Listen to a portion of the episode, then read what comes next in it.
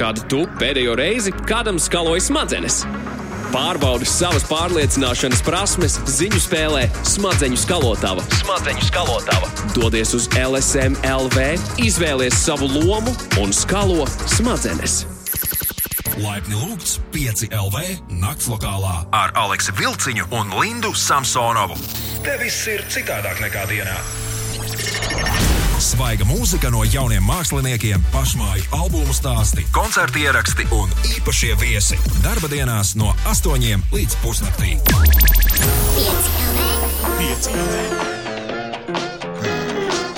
5 LV, uzgriez un ir.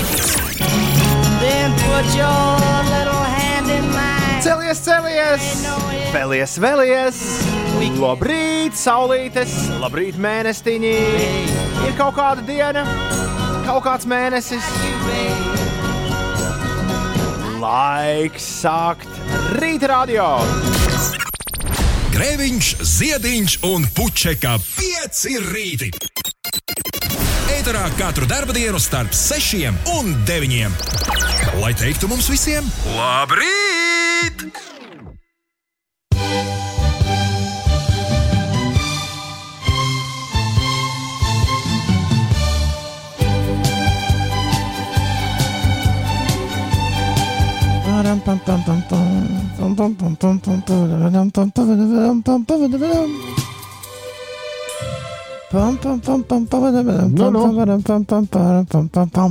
Pagaid, netraucē Mocartam dziedāt līdzi.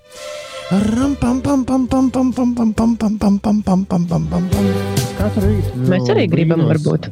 Jā, Par ko tu brīnies?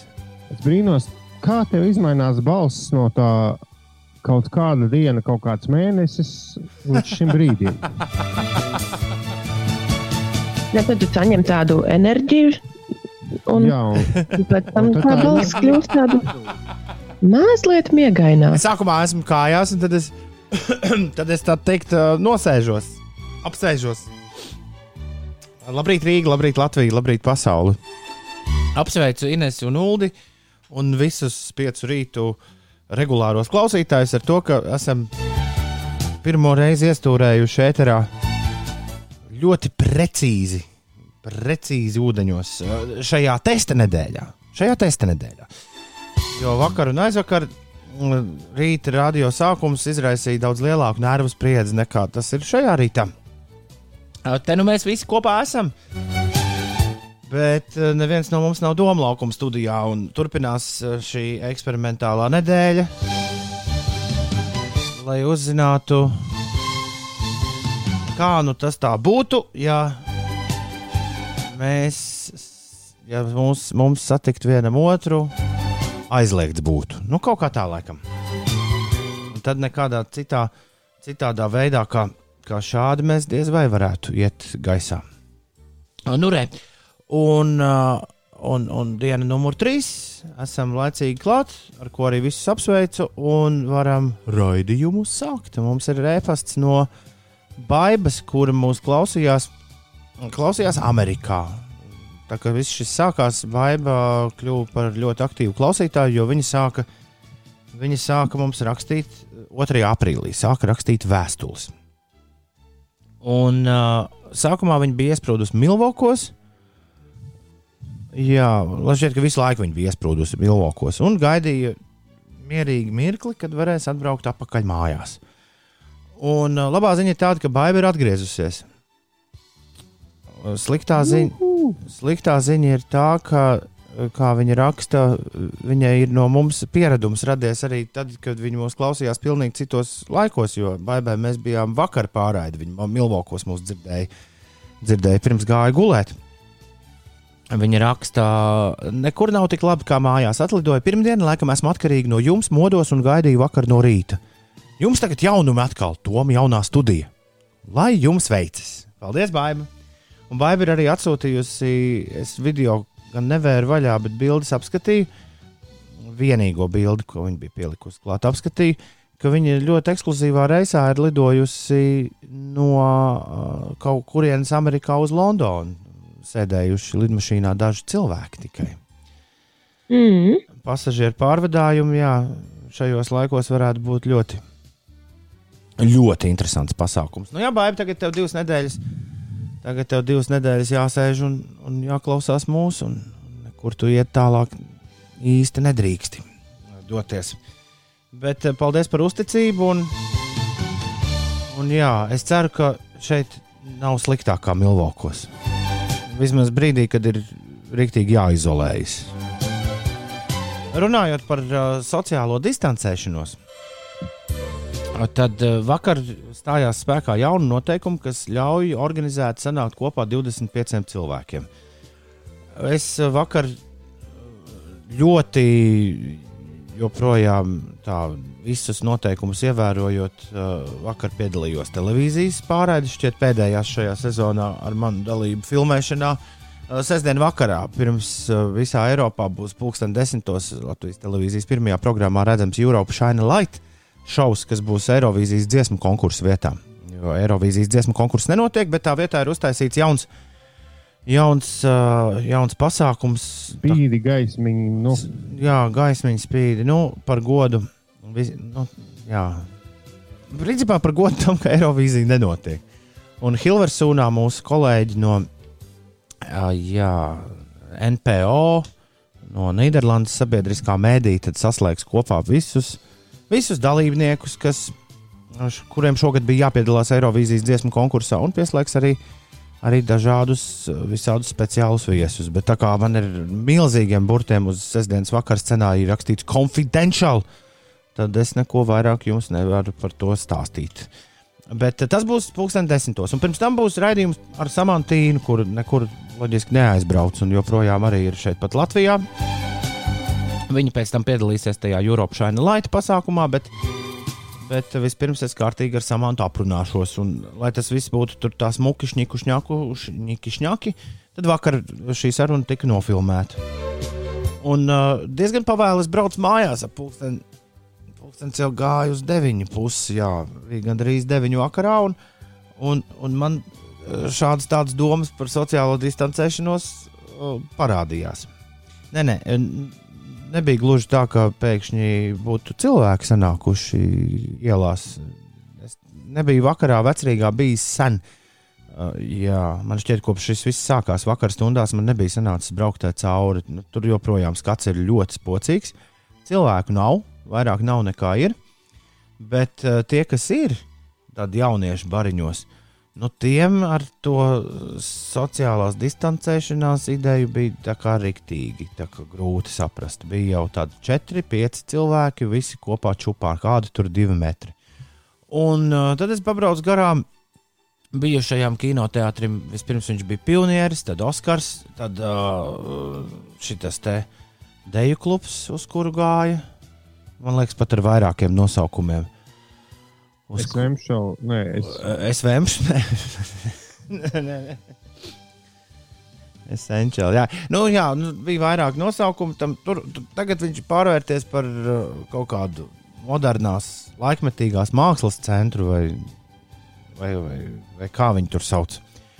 Nu, jā, tur jau bija tāds, tur jau bija pasākums. Izskatījās, ka jau pasākums ir uzorganizēts. Tur ir viegli, tur ir milzīgi stikla logi. Tu uzreiz redzi, kas tur iekšā ir Nu, tur es gribētu teikt, ka bija kaut kādi 20. Nu, tā varētu būt, ka viss tur ievērots, jā, par skaitu bija 25 cilvēki, bet nu, nekādu divu metru viņu starpā nebija gan. Un, uh, jā, nu tas. Esmu atšķirībā no Ulu, kurš ir redzējis, ka policija kaut kā līdzdarbojas ar cilvēkiem. Es neesmu reizi braukājot pa pilsētu ar velosipēdu, neko tam līdzīgu manījis. Bet, eh, ja ir eh, tiešām tā, kā eh, Ulu vakar teica, ka tagad viss ir nodots mūsu pašu rokās, un mums pašiem jābūt atbildīgiem par sociālo distancēšanos, tad. Fizisko distancēšanos. Fizisko distancēšanos. Ah, grūti šos terminus visus pulkstenes sešos pareizi salikt pa plauktiņiem. Tad, jā Nu, div, protams, joprojām ir divas iespējas. Viena, ka izrādīsies, ka eh, nu, nekas traks nav, arī, arī šitā. Bet, eh, bet jā, lielos vilcienos es stāstu tikai par sevis novēroto. Man, Ne, tas tā kā braukt bez piesprādzēšanās. Nekas traks jau nav. Līdz brīdim, kad, nu, nu, kad ir. Jā. Bet nav, nu, jā, nav jau sa, saprot. Es zinu, ka tu nesaproti. Bet padomā, nu, to ļaužu loģikā.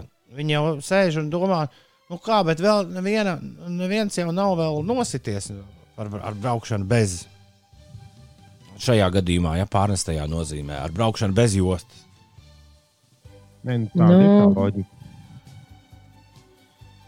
Tā viņi arī turpina braukt. Nu, nu.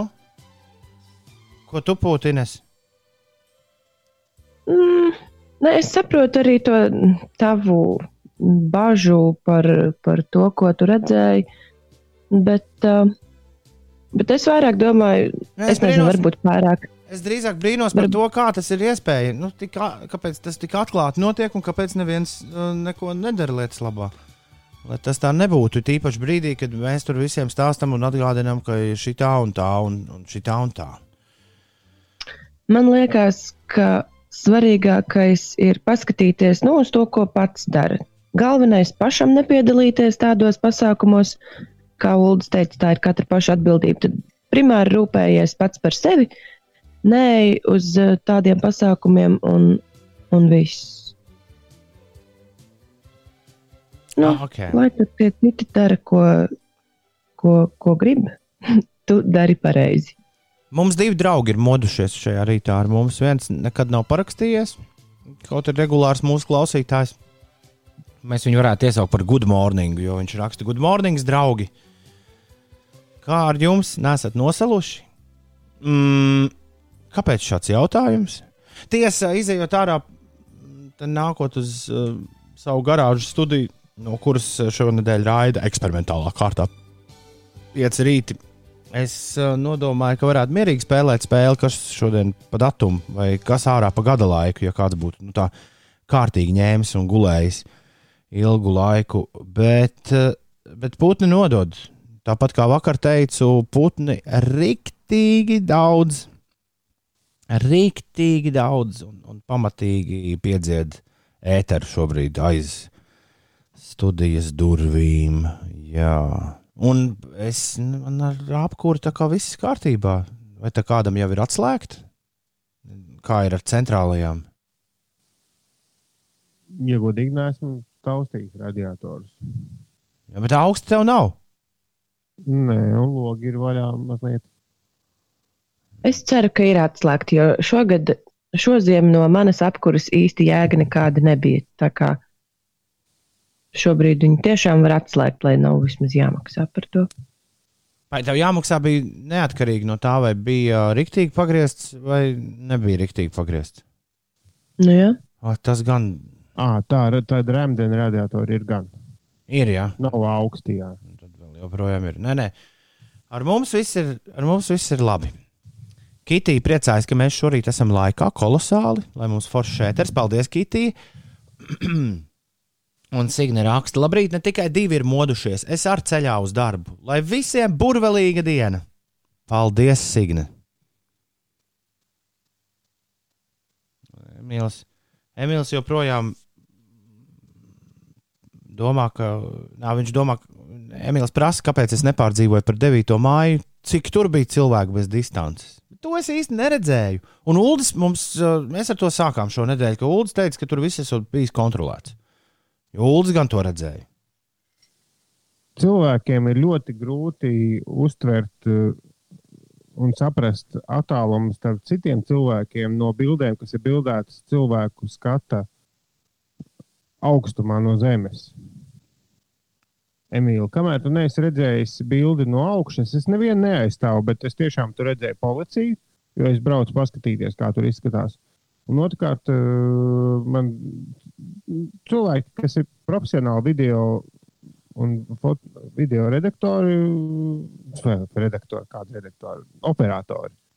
Tieši par šo diskutēju, ka no, bildes, ir, no bildēm, kas klejojas sociālos tīklos, nu nevar saprast, kāda bija, kāds ir attālums starp cilvēkiem. Un es pats, man liekas, jums sūtīju par to, kā es Bolderā, pludmalē redzēju milzīgu cilvēku baru, kas nav distancējušies. Tu pienāc klāt un saproti, ka nu, nē, nav tik traki. Nemaz nav bars, vai ne?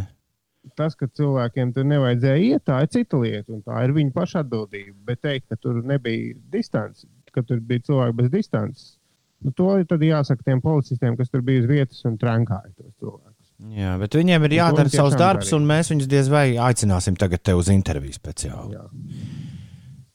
Šis man atgādina nedaudz. Šis man atgādina nedaudz to, kā es reiz alojos Ines kādā Zviedru salā. Un 2001. gada rudenī bija tāds jauks izbrauciens, kur kādreiz varētu atkārtot, par kuru es ik pa laikam šeit ieminos. Viņš bija no Gēteborgas.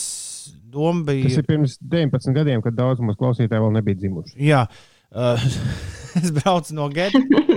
Es biju jauniešu projektā kaut kādā Eiropas. Un mēs braucām no patiesībā, kas projektā bija jādara.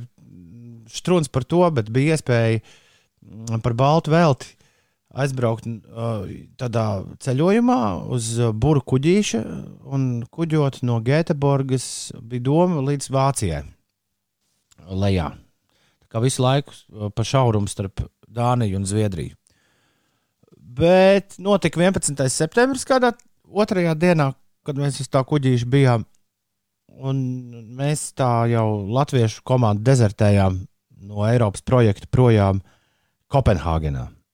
Tā kā sanāca, ka es no, no Gēteburgas uz Kopenhāgenu aizbraucu, tas kopā prasīja mums, mēs tur stājāmies uz visādām saliņām, kas ir pa vidu. Tas mums prasīja laikam bišķi vairāk kā nedēļu. Nu, lūk, un tur pēkšņi vienā salā es skatos, tur tur diezgan dīvaini. Tad, kad skaties jūrā, mērogus saprast, es skatos, kas tas pa milzīgu putnu tur sēž. Kaut kāds ārprāts, kaut kāds albatross vai kas tāds tik liela, es neesmu pat nevienā, uh, nevienā zvēru dārzā redzējis. Bet tad tu pasēdi, pasēdi, un tad izrādās, ka uh, tas uh, akmens, kurš tev likās, ka jūrā ir rīktīgi tālu, viņš ir daudz tuvāk. Un tas milzīgais putns ir pilnīgi parasta kāja, uz kuru tu skaties. Šo, Nu, tā. šo reālās dzīves optisko apmānu es nekad neaizmirsīšu. Tas ir tā rīktīgi iesit pa pauri. Kā kaut kas tāds var būt? Bet redz, ka var. Redz, ka var. Un tā izrādās, tie optiskie māni turpina ar mums būt kopā, lai arī kur mēs dotos. Jā, kalnos, piemēram, ir grūti noteikt attālumu. Tev it kā liekas, ka tā virsotne vai, vai nu, nākamais kalns ir, ir ļoti tuvu, bet īstenībā nē, ceļš līdz tam ir diezgan, diezgan tāls. Signe raksta, ne tikai divi ir modušies, es arī esmu ceļā uz darbu, lai visiem burvelīga diena. Lai burvelīga diena tev, Signe. Valmjerā jau 27. aprīlī atslēdz apkuri, un vakar slēdzām radiatoru. Tiešām brrr. Jā, es izsaku līdzjūtību visiem, kuriem nav apkuras iespējas. Es sēžu ļoti labi apsildītā garāžas studijā un bēdu nepazīstu. Tev ir radiators vai siltā grīda vai? Man ir radiators. Par silto grīdu labs jautājums, kas šeit ziemā notiks. jo, zi, jo grīda ir reāli klona grīda. Bet varbūt mēs arī ar kaut kādiem tepiķiem te tiksim cauri. Uh, jā, uh, la, labrīt, labrīt. Es arī esmu modies un ripinos uz darbu, raksta Kristaps. Un, ja vēl kāds grib atrakstīt, droši rakstiet 2931, 2020, 293, 2020. Sanāk, tev ir kalorīfers. Ja? Ko lūdzu? Kalorīfers. Tu domā, ka es saprotu, kas tas ir? Es, es pats mēģinu, jo šo vārdu zināju, man vienmēr likās, ka tas ir nu, kaut kāds eļļas radiators. Bet es tagad meklēju, vai tas tiešām ir eļļas radiators. Nē, man nav vēļas. Man, man ir pieslēgts kopīgajai. Man ir radiators, kas nāk no kopīgās apkūres, kur mēs kurinām pa visu māju ar diviem lieliem siltumkatliem. Bet kā rādās, arī parasts radiators laikam ir tas pats, kas kalorīfers. Man vienkārši patīk šis vārds. Kalori, kalorifers. 6,20. Labrīt! Vineta jāpamodina. Tā, kurai Es ogles. esmu pamodusies. Nē, vin, Ah. vineta, tā, ku- tā, ku- nevis Ineta, tu, bet vineta, kurai patīk ogles. Inese. Ir grūti saprast dažkārt, ko tas saka. Prāta vētra un ogles. Ir tikai vineta, kurai nepatīk ogles pamodusies. bet, bet viņi saka, ka skaists debesis jums. Un Ineta, kā jau es teicu, Ineta, nevis Vineta, bet Ineta. Es saprotu, ka šajos apstākļos jārunā ar visiem, kas attiecas ne tikai uz mani, Uldu, bet arī uz Ulu un Ines. Visiem jārunā perfektā, perfektā šitajā te, nu, izrunā. Dikcijā. Inēta raksta, labrīt, es ar jums piecīšu, kā vienmēr, izticīga. Man liekas, Inēta, ka tu gribēji, nē, Inēta, ka tu gribēji uzrakstīt, ka tu esi uzticīga. Un, ā, jā, debeši ir riktīgi palēki manā pusē. Kā ir ar jums? Ines ir baldonē, nē, bet kur tur pie Bauskas, un Uldis ir, Uldis ir dreiliņos, nē, pie Brasas. Man šķiet, ka es zinu, ko es tev uzdāvināšu nākamajos svētkos. Nu, nu. Latvijas karti. Jā, jā, jā, jā. Tādu lielu, lai te var pie vecā kamīna pielikt klāt. Jā, Bet noderēs gan jau arī geogrāfijas spēlē. Kā jums padebeši? Man tāda diezgan pelēka zili. Lai gan no paša rīta, kad es pamodos, tad starp kokiem tur eh, austrumu pusē likās, ka, o, oh, skaists eh, rīts aust. Varēja saulīt redzēt. Tagad Bet var dzirdēt, ka tev helikopters, pelēks. tev helikopters brauc garām. Kā? Nu, tā vismaz izklausās. Nē, Jā, no tevis Nu, nāk, no tevis nāk, tele... no tevis nāk. Dugu, dugu, dugu, dugu, dugu. Ja, ja reiz mēs aizrunājāmies par helikopteriem, kas skan, uh, lūdzu, pasakiet, no kura no šiem abiem mikrofoniem ir šobrīd skan. Šobrīd tu skani tā, it kā tu būtu izgājis otrā istabā un mēģini jā, jā, jā. Runāt. bet, bet tāpat kā iepriekš, ja? Jā, precīzi. vai es skanu šeit, Ko lūdzu? Es tagad citu pa mikrofonu, vai es skanu šeit, Nē, bet tu skani daudz Vai labāk nekā šeit? pirms mirkļa. Tu, vai- tu skanēji. vai es skanu šeit. Es nezinu, kur tu skani, bet šobrīd Nu, tu skani labi, daudz labāk tagad- nekā tu skanēji iepriekš. Bet es, es. Nē, to mēs nedzirdam, ka tu nevienu mikrofonu mēs Jā, nedzirdam. tagad tu atkal izgāji otrā istabā. Jā, šeit, tu- šeit tu skani. Tagad? Brīnišķīgi.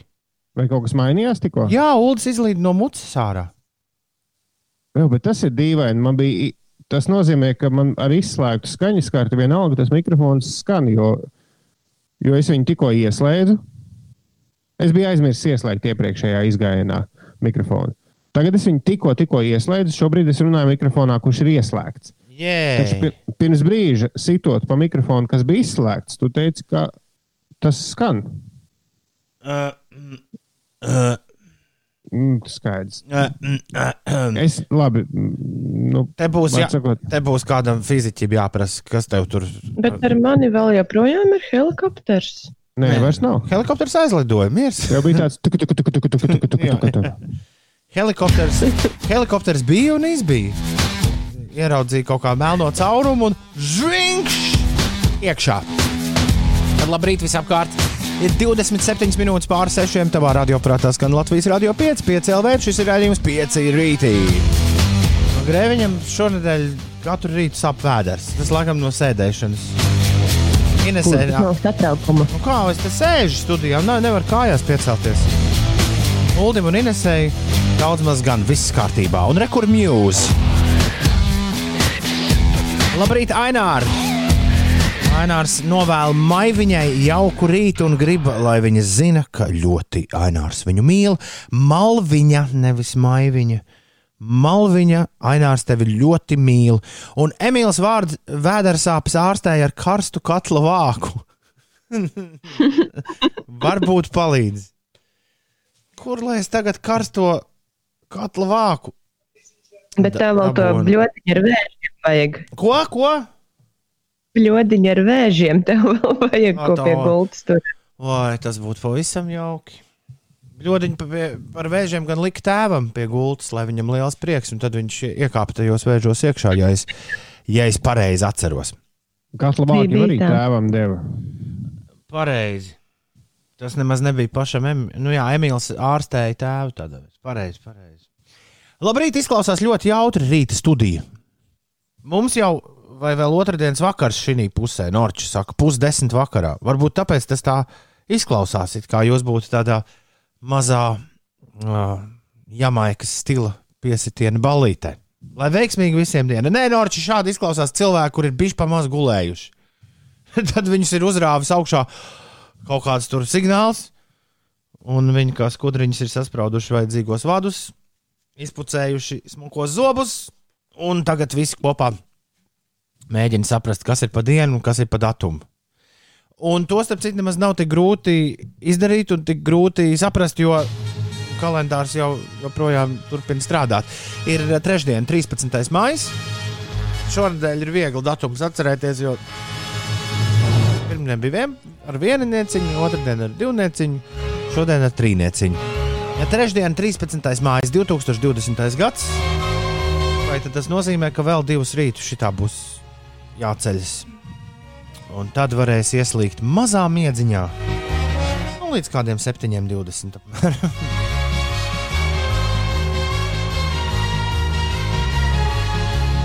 Ko tev sāka līt? Jā, pie manis sāka līt. loga. Tieši brīdī, kad ir jāsāk par laika apstākļiem runāt. Es atgādinu, ka Inês neatrodas galvaspilsētā. Inês ir Bauskā šorīt. Mauskas pusē. Bauskas pusē. Jau vispār Rīgā arī vajadzētu būt kaut kādam, kaut kādam nokrisnim šajā stundā, un pēc tam dienas vidū pišķiņi. Dažas lietu lāses sagaidīsim. Un sapņosim par ļoti saulainu un foršu ceturtdienu ar plus 10 grādiem, kas mums tuvojas, un par brīvdienām, kur būs arī bez nokrišņiem un plus 11. Jā. Bet no šodien vēl pagaidām tieši tā kā, tieši tā kā ir, tā jādzīvo. Un šodien gaidām daudz vietu nokrišņu, lietus, vietām arī slapjš sniegs un sniega graudi. Šodien rietumu un centrālajos rajonos brāzmās vējš sasniegs 20-21 m2, un gaisa temperatūra būs plus 7, plus 12. Austrumu Latvijā ir bijušas salnas šonakt. Es ceru, ka jā, tad sūdzējās mums daudz par, ar daudz, es domāju, divi klausītāji par to, kā augsts. Es ceru, ka neviens patiešām nav nosals. Ja šī tik traki tomēr ir. Bet jau vīrs ar kaut ko raksta. Met jau vīrs tikai smukas bildītas liek. Lai nu viņam tiek. Ir uh, 6,34. Labrīt, visapkārt, rekurtīčā un flex Yeah, yeah. tests. Grand Prix! Pieci. Ew, kas te notiek? Pamēģināju pirmo dziesmu no centralizētās mašīnas palaist Ulu un neaizgāja. Tas beidzās ar Jasko. Jums ma- Tagad jau skan kas skan? dziesma. Kur viņi skan?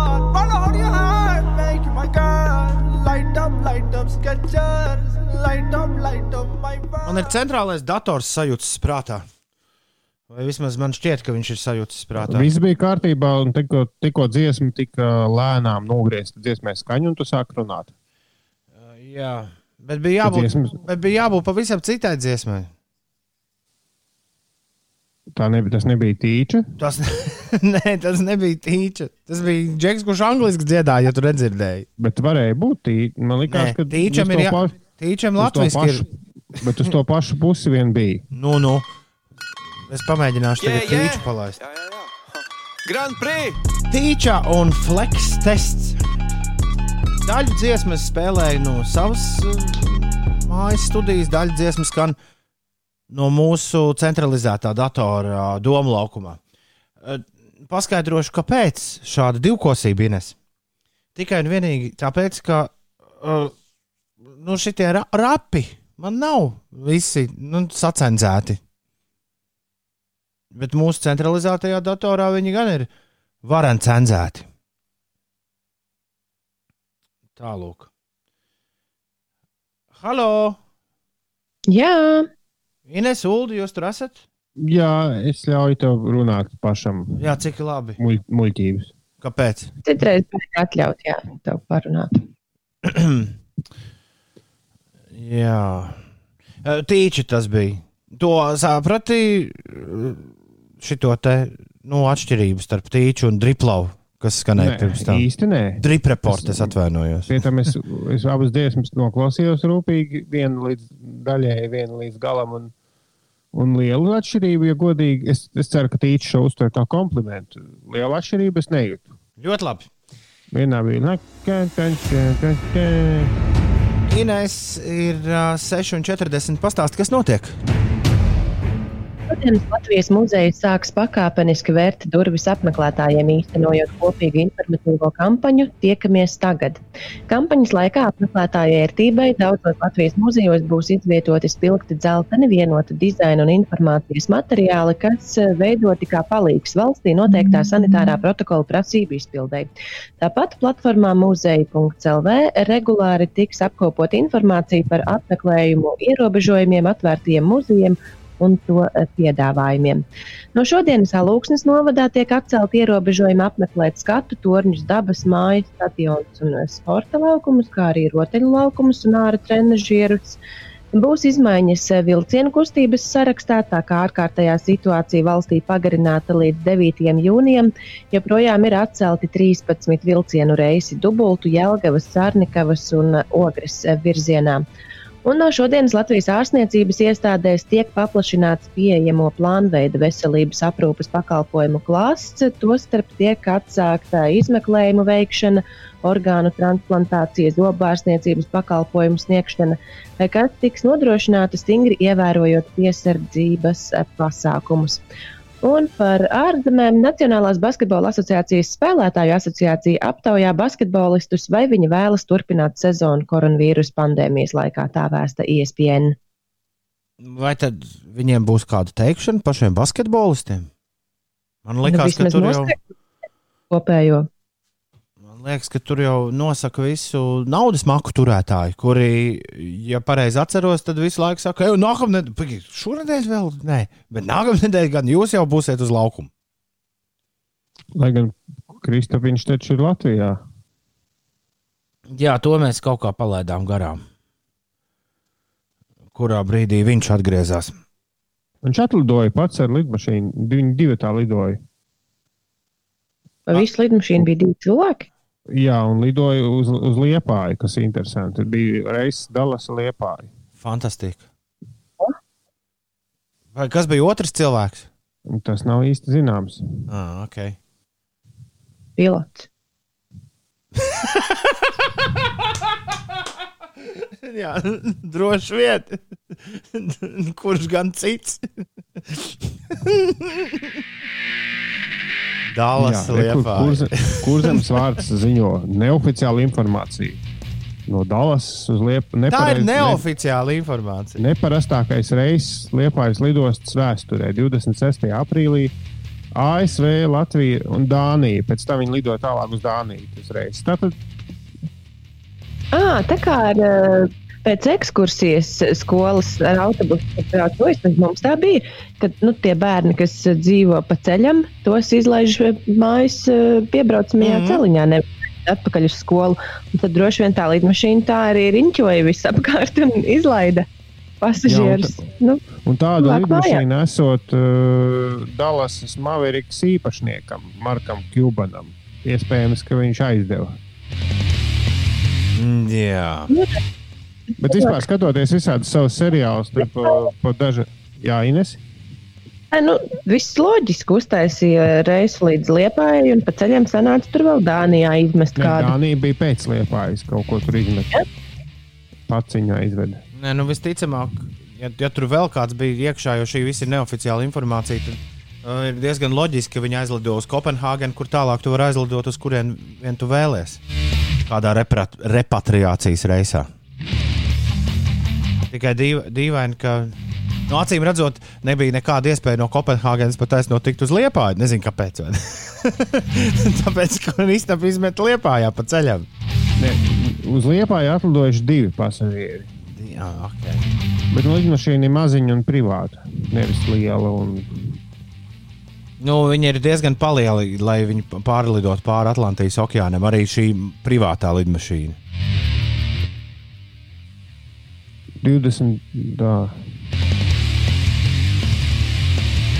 Nu, labi, es te ielīdu. Bet šis ir interesanti īstenībā skatoties visādus uh, seriālus par ļoti bagātiem cilvēkiem. Reiz, ik pa laikam nāks aizdomāties, ka tikai diezgan nu, nesaprātīgi cilvēki pērk lidmašīnas. Jo tas ir nu, ārkārtīgi stulbs pirkums saknē, ja tev nevajag to katru nedēļu. Kāpēc, Daudzā- tad tā, kāpēc tad tā? Nu, tāpēc, ka dārgi. Nu, jebko, gan, gan, eh, gan superdārgo jahtu, gan salu, gan lidmašīnu. Daudz vienkārši ir par kaut kādiem, nezinu, nu, man liekas, ka jebkuru Jā, Karību jūras salu var dabūt par dažiem tu, desmit tūkstošiem dolāru diennaktī, var noīrēt jebkuru salu. Jā, Man liekas, man liekas, dārgāk par 100 tūkstošiem diennaktī nemaksā nekur. Neviena. Un ar lidma- ar lidmašīnu līdzīgi. Kāpēc tev jāpērk, ja tu vari samaksājot pārdesmit tūkstošus, jebkurā laikā noīrēt lidmašīnu? Ines tev tūlīt izskaidros. Nu, Ines skaidro. Nu. nu, nu, es vienkārši domāju, nu, ja nav cilvēkiem īsti, kur naudu likt, tad izdomā visādas neiedzības, kur to ja kaba. Tad 13 pasažieriem vieta tajā lidmašīnā, ar ko Kristaps lidoja. rādi, re, man pieder lidmašīna. Ines, izklausās, ka tu nerunā mikrofonā. Runāju, telefonā. Mēs tevi zaudējam pa ceļam. Jā. Mēs tev dzirdam no tevis katru otro vārdu. Man nav ne jausmas, kāpēc tas ir tā. Nu, kā man par daudzām lietām nav jausmas šonadēļ. Kāpēc tu samainīji mūsu rulli vietām? Ko tu saki? Tu samainīji mūsu ar ULDI vietām. Tagad tev var ļoti labi dzirdēt, bet iepriekš iespējams, ka tu vienkārši klusāk runā un tad tev nedzird. Jā, es dabūju tev samainīt vietām, jo savādāk tu vispār nevarēji saprast, ko Ulas saka. Ai, ai, ai, ai. ai. Ulas piktojas, jo viņš domā, ka es iepriekšējai dziesmai, pirms mirkli mēs repus klausījāmies, ka es esot varēju ļaut dziesmai noskanēt līdz galam. Nē, Ulu, dziesma, kuru mēs klausījāmies, Drip Report bija minūte un 37 sekundes gara. Tieši tik Ah. gara tā ir arī Spotify un YouTube. Mūsdienās tie tur mambulu vīri, viņi taisa šādus gabalus. Tā kā nav ko uz mani piktoties. To jau varēja net, nete, nestāstīt skaļi. Jā, šobrīd var ļoti labi dzirdēt, kā, kā, kāpēc attālinātais ēteris īsti nav laba lieta. Nē, viņš Ja mēs- Tā ir diezgan, mēs laba lieta, tā ir diezgan laba lieta. Ja es esmu domā, līdz šim viņa bija ļoti laba lieta, līdz es biju doma laukumā. un tad Nē, arī mēs- doma laukumā tas tomēr ir lāpīšanās. Nu, redz, mēs tagad nesaprotamies. Iespējams, ka Nē, mēs. bijām pieraduši pie doma laukuma. Man patika. Un šobrīd, piemēram, es redzu domu savā datorā. Es saprotos ar domu vismaz. Ļoti labi. Un tikmēr virs, virs uh, televīzijas torņa aizgāja mākoņi projām un ir zilas debesis. Tagad. Jēj! Cerams, ka uz kādu laiku arī zilās debesis noturēsies. Ozolniekos spīd saulīte. Salna šeit šķiet šonakt nav bijusi, raksta Jānis Jānis. Un vēl viņš secina, ka Inesē ir savs helikopters.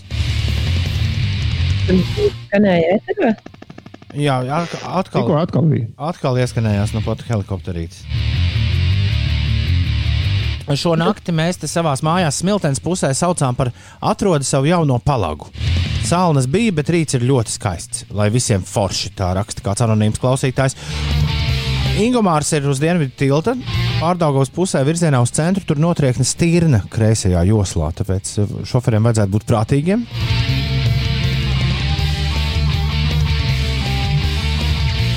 Un Jānis Jānis vēl ir atrakstījis milzīgu garu sapni savējo. Es īsti nu, tik gari, ka es nezinu, vai, vai pietiks spēka tam ķerties klāt. Bet, nu, labi. Uh, Jānis Jānis sapņoja, ka viņš ir kaut kādā svaigādāju veikalā un iepērkas. Pārdevējs sakrāmē pilnu maisu ar visādām nezālēm. Es atdodu visu naudu, man paliek pāri 3 eiro un 11 centu. Bet trakākais, ka izējot no veikala, tas maisiņš šķita pavisam viegls, un es domāju, ka tur tak nav neviena kalorija, tikai šķiedrvielas un vitamīni. Un šitā es nomiršu badā. Normāls visēdāja murgs. Ja tu sapņo par ēdienu, tad tad noteikti kaut kas līdz galam kārtībā nav. Tas brīdina par nenozīmīgām rūpēm, kas var traucēt nopietnu ieceru īstenošanai. O? Tā kā Jānis Janīti, laid tās rūpes negaisam līdzi. Ja, un, ja sapnī redzat salātus kā ēdienu, viņš redzēja kaut ko tādu. Ja? Jā. Nomodā var uzbrukt slimības un citas nelaimes. Ui,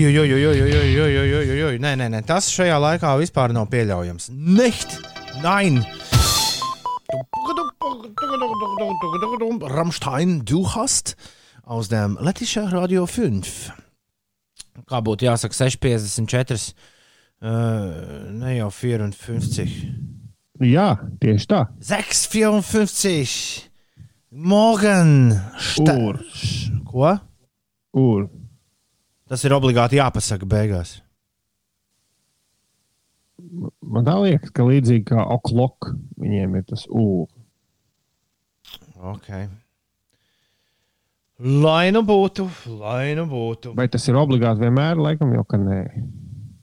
Cik ilgi vakar tu zāli pļāvines? Kamēr beidzās benzīns.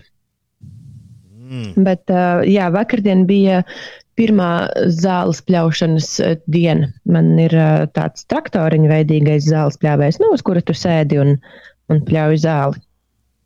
Ļoti, Ai, ai, ai, ai, ļoti forši. Ines, Kas tas tā tad tu neesi dzirdējis par tādu lietu kā no mo may. Ko? Ko? No mo may. Kas tas tāds? Nu, mo ar M-O-W. Mau ir pļaušana. Vai ne?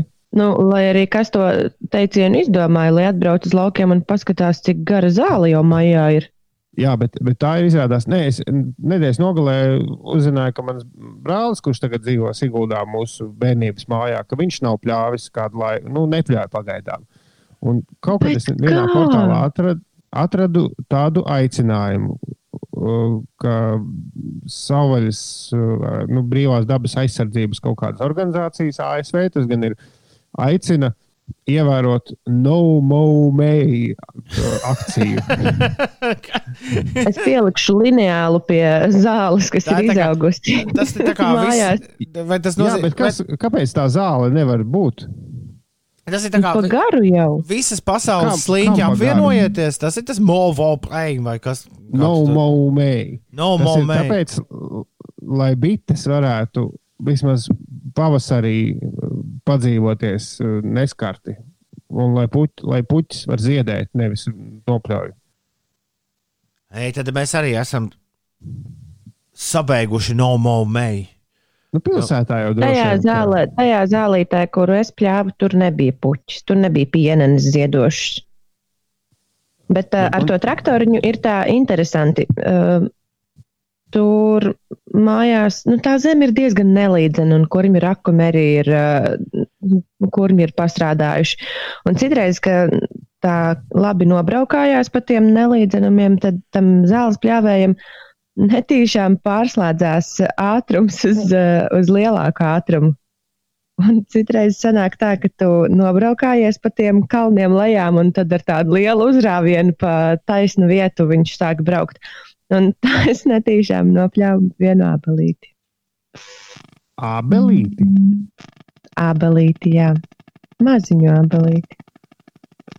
Galvenais, galvenais kurmi nenopļaut netīšām. Jā, kamēr māma vēl guļ, tikmēr es atzinos savā vakardienas nedarbā. Labi, esam to uzklausījuši, mēs tev piedodam. Bet kā var ābelīti nopļaut? Viņa tā kā ma maziņš stādiņš bija. Nu, viņa bija. Jā. Un vispār, kā ar tādu braucošo traktoru veidīgo zāles pļāvēju, cilvēki var izlīkumot caur uh, sastādītām abelītēm rindā. Nu, tā, lai smuki var nopļaut. Tas man nav īsti skaidrs. Nu, Tā droši vien ir tā saucamā pļaušanas meistarība, kas vēl višķiņā apgūst. Nu, jā, laikam. Nu, cerams, ka māma nebūs dikti dusmīga, kad sapratīs, ko es nodarījusi. No kaut kādā mirklī jau tas būs visiem ļoti labi redzams. Diemžēl. No. Ai, bet tad, tad uh, vēlreiz. Ja kāds nav pagūvis sākt vēl pļaut zāli, tad to nevajag darīt tagad līdz Jā, jūnijam. tam ir attaisnojums. Mēs dodam attaisnojumu. Līdz jūnijam nevajag, lai, lai, lai paziet puķītis. Klausies, Pēter, nopļauj man zālīti. Nē, vecmāmiņa. Ir no may. Ar tevi kopā Latvijas Rādio 5,5 LV. Šis ir raidījums 5 rītī. Grēviņš, Ziediņš un Puķakā. Ja tu vēlies mums ko teikt, atsūti īsiņu uz 293, 202, 293, 202, vai arī raksti mums jebkurā sociālajā tīklā, kur vien tu vari iedomāties. Meklē rokā 5 rīti, 5 rakstot ar burtiem. Šis ir redzējums pieci rīta. Labrīt, Uldi, labrīt, Inesē. Mēs esam šonadēļ ļoti attālinājušies. Tā kā attālinājušies tik tālu, cik vien, cik vien tas ir iespējams. Es esmu savu māju, savas mājas garāžā, kur ir iekārtota studija, un esmu saslēdzis Uldu un Inesi vienotā slēgumā. Ines, kā tu jūties šajā rītā? Labrīt! Es jūtos ļoti labi. Es atrodos starp Bausku un Iecevu savās eh, lauku mājās, guļamistabā šobrīd. Es Uldu nomainīju Inesē nedaudz tehnisko slēgumu. Es ceru, ka, Jā, bet es, es es ceru, ka tu dzirdi labāk. jā, bet es joprojām dzirdu katru WhatsApp ziņu, ko es aizrakstu. Kādam no jums skan. Mm, mm, Tas nav man, jo es esmu uzlicis netraucēt režīmu un visu skaņu izslēdzis ārā. Interesanti, kā tu pēkšņi tā dzirdi, ja viss ir tieši tāpat kā visus citus rītus. Nu, Uldis, tā teikt, ar pareizām ausīm šorīt pamodies. Muzikantiem tā mēdz gadīties. Tāpat arī muzikantiem mēdz gadīties, ka viņi aiziet uz veikalu un izdomā jaunu metodi, kā ietaupīt veikalā. jā, muzikanti ir viena no briesmīgākajiem autoservisu klientiem. Tagad tu Ines kaut ko nomainīji, jo pēdējo ziņu vairs nedzirdēji. Bet, Es eh, pilnīgi neko nenomainīju. Mhm. Nu, labi, tad es vienkārši laikam runāju pa virsmu. Nē, muzikanti esot autoservisos briesmīgi klienti, jo, jo neviens cits nedzird, nu, tik ļoti, tik bieži nenāk ar, ar sūdzību. Man tur kaut kas sāka citādāk skanēt.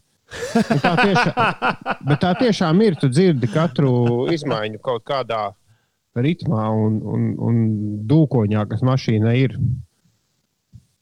Pilnīgi vienalga ir sajūtas, bet, bet uz skaņu gan reaģē. Jā, jā, bet es par to ietaupīšanu veikalā gribēju Ā, par, es- parunāt. Jā, mēs pirmdien runājām par to, ka man bija, nezinu, kāpēc sanācis aprīlis rīktīgi taupīgs. Un pirmdien pēcpusdienā es arī vienu no metodēm sapratu, kā tas ir izdevies. Uh, es nelietoju, principā, nelietoju groziņus vai ratiņus veikalā. Jā, Viens variants ir iet uz tiem, kur ir tie nu, iepirkšanās, tie aparāti, kur tu vari pats visu skenēt, un tad tu liec visu somā vai mai- maisiņā. Bet veikalos, kur tādu nav, nu, jau reizēm ir vajadzīgs veikals.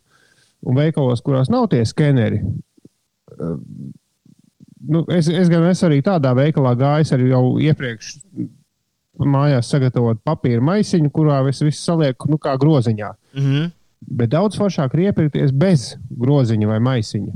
Nu, to, protams, ir grūti izdarīt, ja tev ir liela ģimene un tu pēc visu nedēļai. Bet tādiem, man teiksim, bija vajadzīgi zupai visādi zaļumi, un maize bija beigusies, un zobu pasta bija jānopērk. Un es pēc tā visa devos bez groziņa. Un ir tik ērti, ka tu visus pirkumus paņem rokās un es uz kasti. kasi. Jo tad tu tiešām nepaņemsi neko lieku. Jau kopš sākta gala, kopš sākās, Nu, pan bišķiņ tikai. kopš sākās pandēmija, tu esi vistaisnākais noteikumu ierobežotājs, tu par tiem iestājies, tu to arī dari. Bet līdz Ierobe- galam nav pilnīgi skaidrs, kāpēc tu ej uz veikalu. Acīm redzot, tas tev tiešām patīk šis process. Es neesmu noteikuma ierobežotājs. Nevis ierobežotais, bet, nu, jā, tu esi ievērotājs. Ievērotājs. ievērotājs atvaino. Uh, bet, jā, vi- šo visu klausoties, es ņemot vērā, ka 90% pārtikas. Iegā, 90% pārtikas iegāde manā mājsaimniecībā kopš marta vidus ir notikusi internetā. Es nu, nu, tiešām nedalēts, kāpēc tu e- eju speciāli baciļus meklēt. Nu, es, neko, es vienkārši nepasūtu internetā. Veik, es neiepērkos internetā veikalu. lietas. Tas, ir- pagaid, tas ir kā princips. To, šī, šī ir principiāli tava lieta. Nē, nē, tas nav princips. Man nav nekāda iebilduma to darīt. Es vienkārši to neesmu darījis. Kāpēc tu to nedari? Kāpēc tu ej uz veikalu joprojām? Tāpēc, ka es neplānoju tik ļoti Aha, lietas, ko man vajag. Es, ne, ne, es, es neeju uz veikalu katru dienu, pasak, Dievs. Bet, nu, teiksim tā, ka saplānot, ko man vajadzētu nedēļai, tā es nedaru īsti. Jā. Nu, ar to- skaidrs. Tā interneta iepirkšanās kaut kā man nav aizgājusi. Es pieļauju, ka tas arī ir saistīts ar to, ka tur nav bērni un nav, nav tur jādomā, kas būs rīt, parīt, pusdienās. Kā būs, tā būs. Es, piemēram, es nezinu, ko es piemēram, gribētu ēst rīt. Un jūtos tīri labi, nezinot, ko es gribēju ēst rīt. Tu nekad neesi mēģinājis tā kā. Atceros, Simpsonos to pirmo reizi redzēju. Pirmdiena zupas diena, otrdiena zivs diena, trešdiena uh, vegetārā diena, ceturtdiena hamburgeru diena, piekdiena pīcis diena, sestdiena kebabu diena. Nē, man bija ļoti labs plāns, kā mazliet uh, ēst veselīgāk un uh, iespējams arī nomest svaru. Es biju ieplānojis aprīlī neēst mājās vispār. Jā, to mēs atceramies. Šo, stā, šo stāstu mēs atceramies. Jā, bet tas stāsts mēs labi zinām, tagad, kur tas palika. Ja tu, ja tu pirktos internetā, tad tu varētu tēlot, ka mājās nē, nēdu vispār. Nu, iziet parciņā ik reizi ar savu pasūtīto ēdienu. Ā, tu domā, tos kaut kādus piegādātos? Nu, ja nu. Tos... Ā, Tas nē, jau tas tos- pats būtu. Tie man nepatīk. Man liekas, ka tā ir tāda. Nē, ir forši piekdienas vakarā pasūtīt kaut kādu pizzu vai kaut ko, bet kopumā man liekas, ka tas tomēr nav tas. Nu, es zinu, cilvēks, kas saka, ka es atbalstu restorānu. Man liekas, ka tā nav īsti restorāna atbalstīšana. Tu par tām Es finanses sanāk, vispār neko neatbalstu, jo šajā laikā es neesmu nereizi pasūtījusi ēdienu internetā, nereizi neesmu iepirkusies, nu, pārtiku iepirkusi internetā. Tas bija slikts pilsonis. Ne, nu, kurā gadījumā mēs esam ļoti spilgts piemērs, ka mēs katrs uzvedamies pavisam savādāk. Un visticamāk, katrs uzvedas savādāk nekā otrs šajā laikā. Un Jā, nē, kopā ir es bail, ceru, ka ka tas kaut kādu rezultātu dod. Jā, man ir bail, ka tas ēdiens nu, nebūs tas, kas restorānā, kamēr atceļos līdz manām Tev mājām. pat bail ir par to. Nu, tur jau čaļi ir atstrādājuši tagad, uh, sistēmu. Bieži vien ir, ir joprojām tas pats. Uh, tā. Uz Jālgavas šoseis pietiek ar vienu tīzleni, lai viss apstātos, raksta Arvīts. Ja redzi aiz sevis rindu un esi pirmais, tad tu brauc par lēnu. Es domāju, ka tas viens ir luksafors, Jā. kas sabojā tur visiem dzīvi. Bet ir arī viens, kas brauc pašā priekšā un brauc pa lēnu. Nu, tā Nu. vismaz Arvīts raksta. Bet Jā. ir arī noteikumi, kādā ātrumā tur ir jābrauc. Jā, jā, attaisnojums vienmēr ir viegli atrast. Un autoskolā mācīja, ka jāie, jāiekļaujas satiksmē, bet no otras puses brauc tādā ātrumā, kādā tu jūties droši. Arī, arī tiesa. Es pieļauju, ka viss, ko jūs runājat, ka tas ir. Tas tieši tā arī ir. Ir 15 minūtes pārpusdienas septiņiem. Labrīt visapkārt! Mūsu Rīga Latvijā! Cēlies augšā! Jauna diena klāta! Un tā būs absolūti burvīga. Pats nedēļas vidus, trešdiena. Atvainojos, tev ir pierādījumi. Man ir. Uh, Vari parādīt? Nē, nerādīšu. Tā tad nav pierādīta. Jā, jā, jā. Esam pamodušies visi kopā 13. datumā šodien. Mājas numur 13. Irai, Iraidai, Irēnai un Irinai ir vārda dienas. Sveiciens uh, Irai, Iraidai, Irēnai un Irinai. Kristam Straumam, smaiļotājam, šodien vēlam daudz laimes dzimšanas dienā. Stīvijam Vonderam, amerikāņu mūziķim, šodien daudz laimes dzimšanas dienā.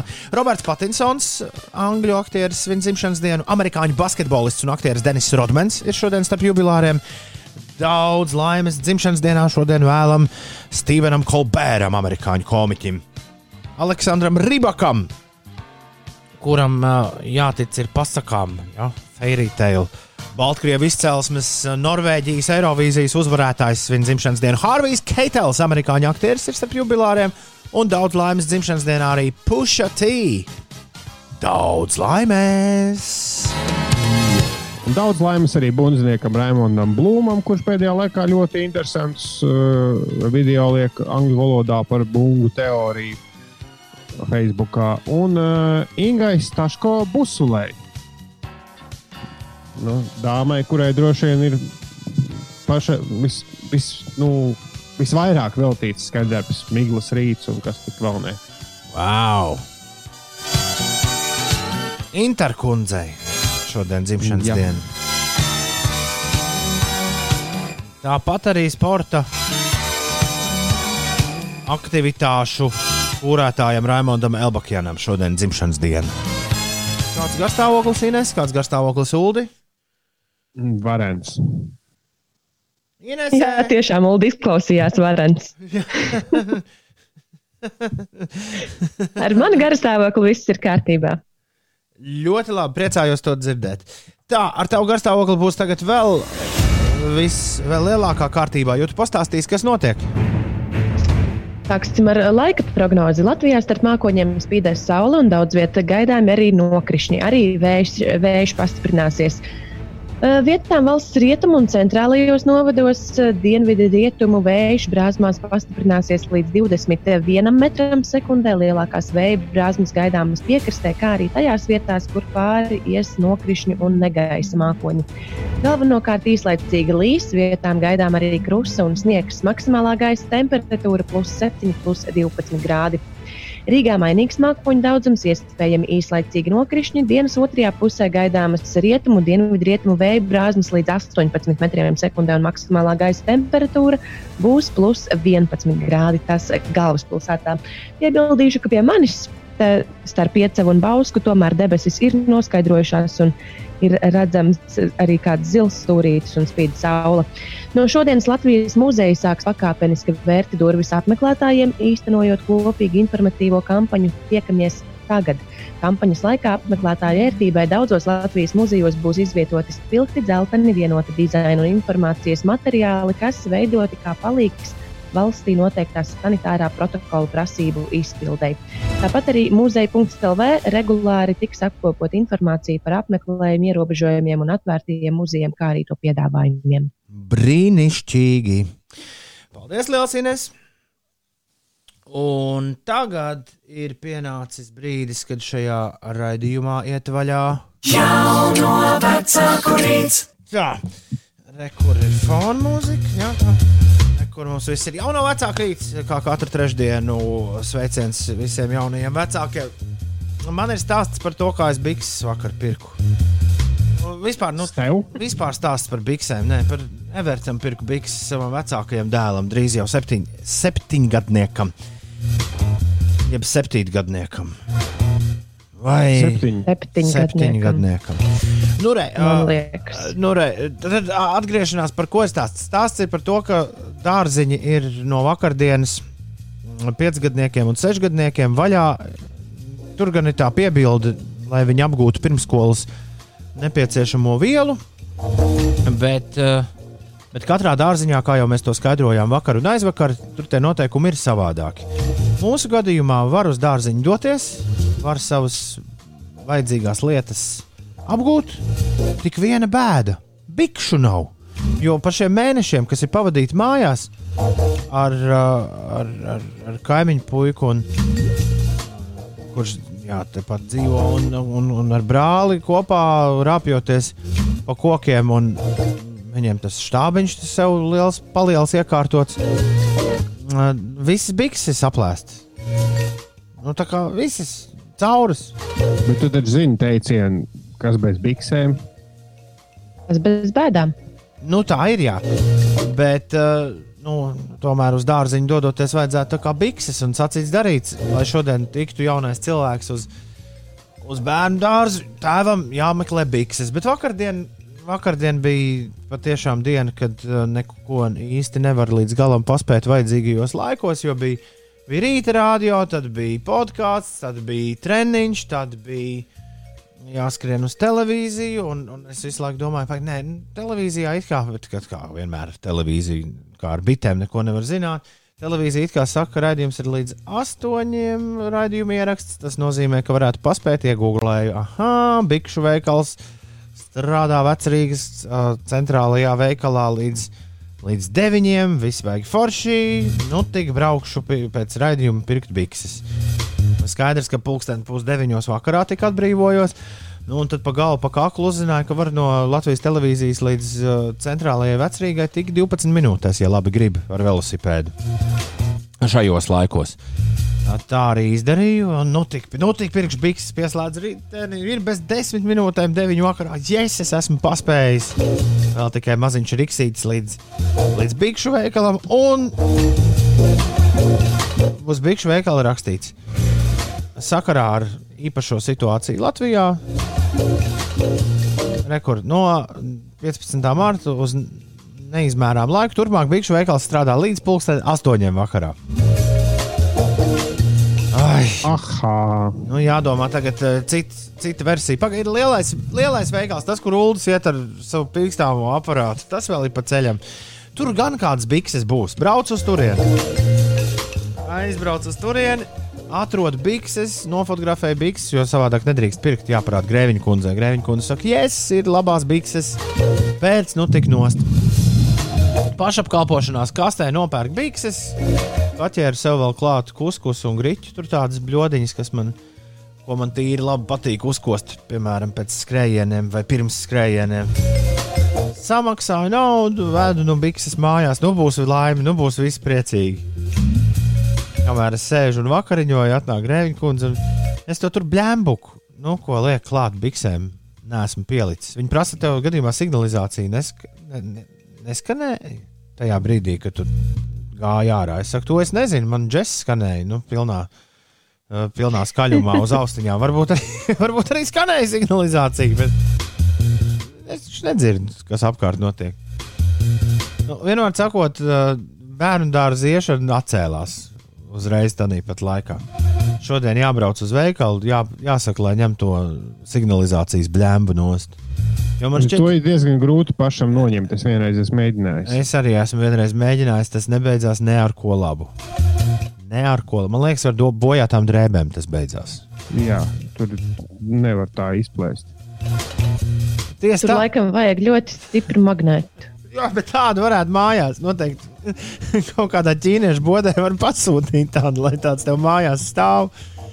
Bet es, es par šo galīgi nebiju iedomājies. Grēviņš teica, nu, jā, nu, tu jau nekad neej bērniem. Tā, tā, tā, nav lieta, ko tu dari ikdienā. Nu, ej bērniem pirkt drēbes, viņi saka, tāpēc tu arī neiedomājies. Bet jā, to, tam vajag pievērst uzmanību, ka tā blēma ir jānoņem nost. Nu, tā nu laimīgi tagad čučs.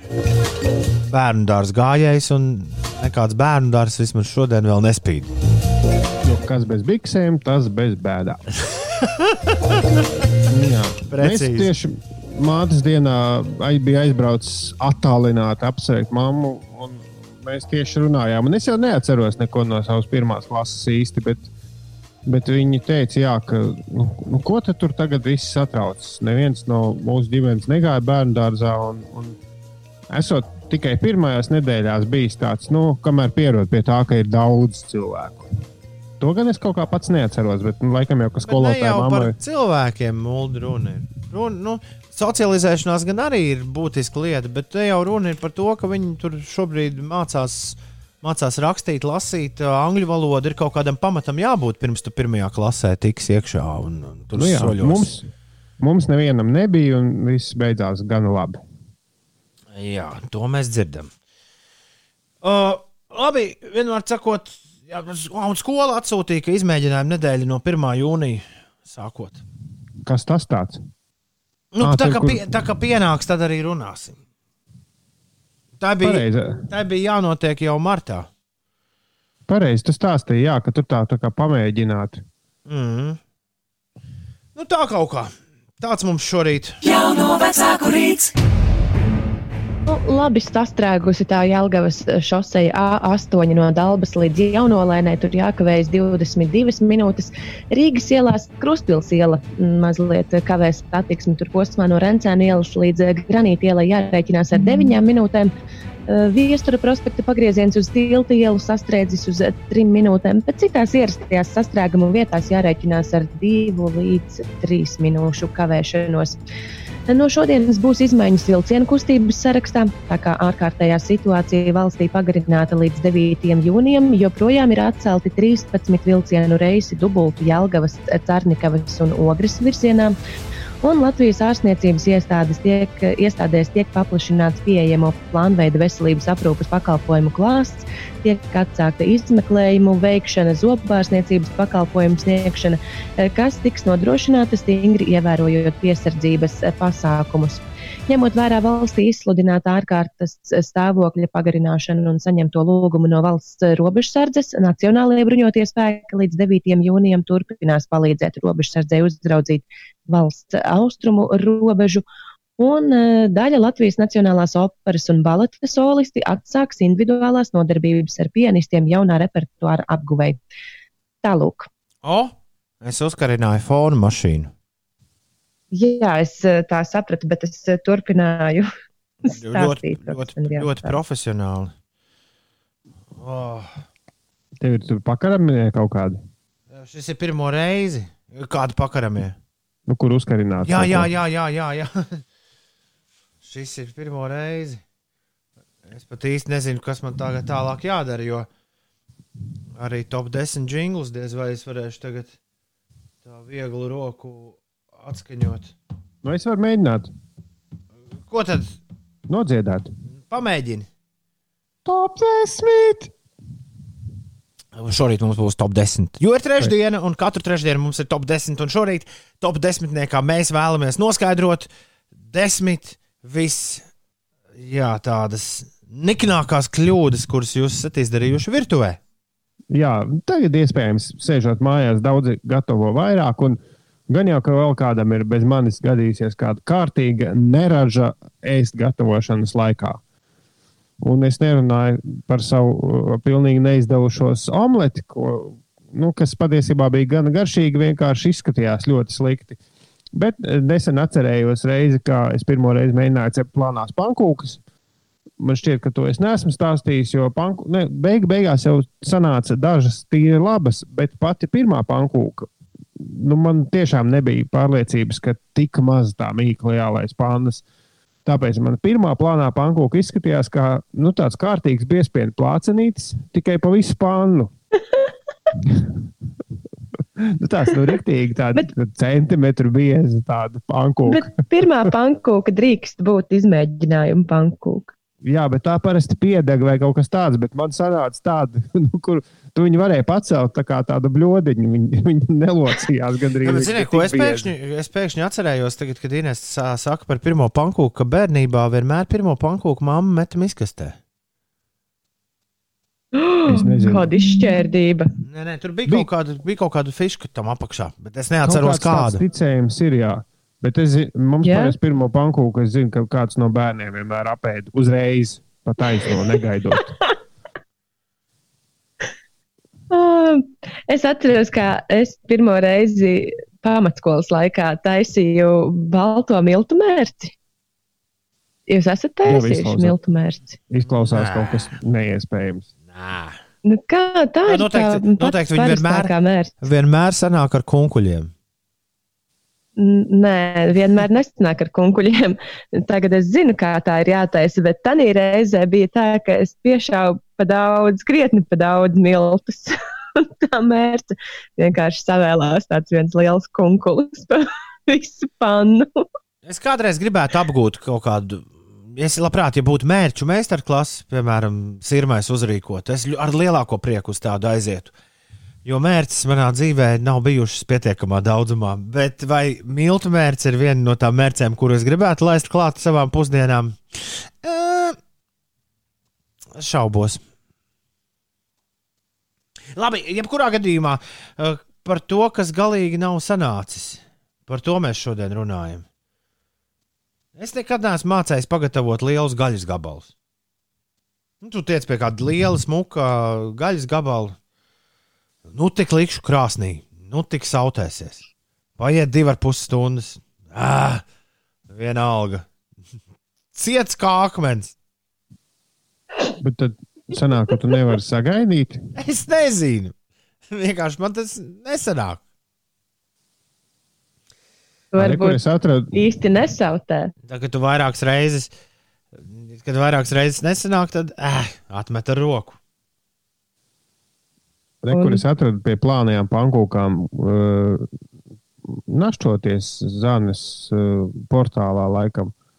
Svarīgi pateikt, ka pirmā pankūka pieder cepējam, un tā ir izmēģinājuma pankūka, kas drīkst nesanākt, bet parādīs, vai panna ir kārtīgi sakarsusi. Aha, nu lūk. Tad Paldies, to Zana. mamma negribēja ēst pirmo pankūku. Nekad. Ne, Man, vienmēr likās, vēl- tā, es tagad atceros bērnību, tādā bērna prātā man šķita, ka tam ir kaut kāds sakars ar to, ka varbūt eļļa vēl padomi laikā pirmā kaut kāda ne tāda ir. Labi, bet es īstenībā nezinu. Labi, Jā. bet tas, ko mēs gribam no klausītājiem saņemt, mūsu top 10 ir, kā saka, uh, ēst gatavošanas feili. Nu, es gribētu tomēr Jā. Latvi, latviski to kaut kā nosaukt. Nu, saka, kā, kā neražas. jā. Ēdienu neražu tops mums šodien būs. 293, 1202, atraksti, kāda tev neraža gadījusies, gatavojot kādu kulināru brīnumu. 29, 31, 2020. Un Ulu, kas mums tūlīt būs? Tev jādzied. Tagad. Top, top, top, top, top, top, top, top, desmit. Bet vispirms multivitamīnu multipaka, lai skan astronauts. Multivitamīnu, multipaka, tev Pieci LV. Multivitamīnu, multipaka. Man nav jādzied. Top 10. Top 10 tavā rīta radio. Un šorīt top 10. pastāstīnies, ko mēs noskaidrojam. Mēs noskaidrojam uh, virtuves uh, neiedzības, ne, neveiksmes. Jā, kas Vai, a, mums ir tu- a- gadījies? Mums bija ļoti labs formulējums, kurus arī pagūvu aizmirst, ņemot vērā, ka, ka man te spēlē Neražas. Virtuves neražas. Virtuves neražas top 10. Kas ir numur 10? Ines? Pats pirmais. Desmitajā vietā ir stāsts par to, ka. mm, Arvīts ir desmitajā vietā. Jā. Jā, viņam uz gāzes plīts neskāpēc ir sanācis likt vārīt ūdeni elektriskajā teikanā. Nu, iznākums jau saprotams.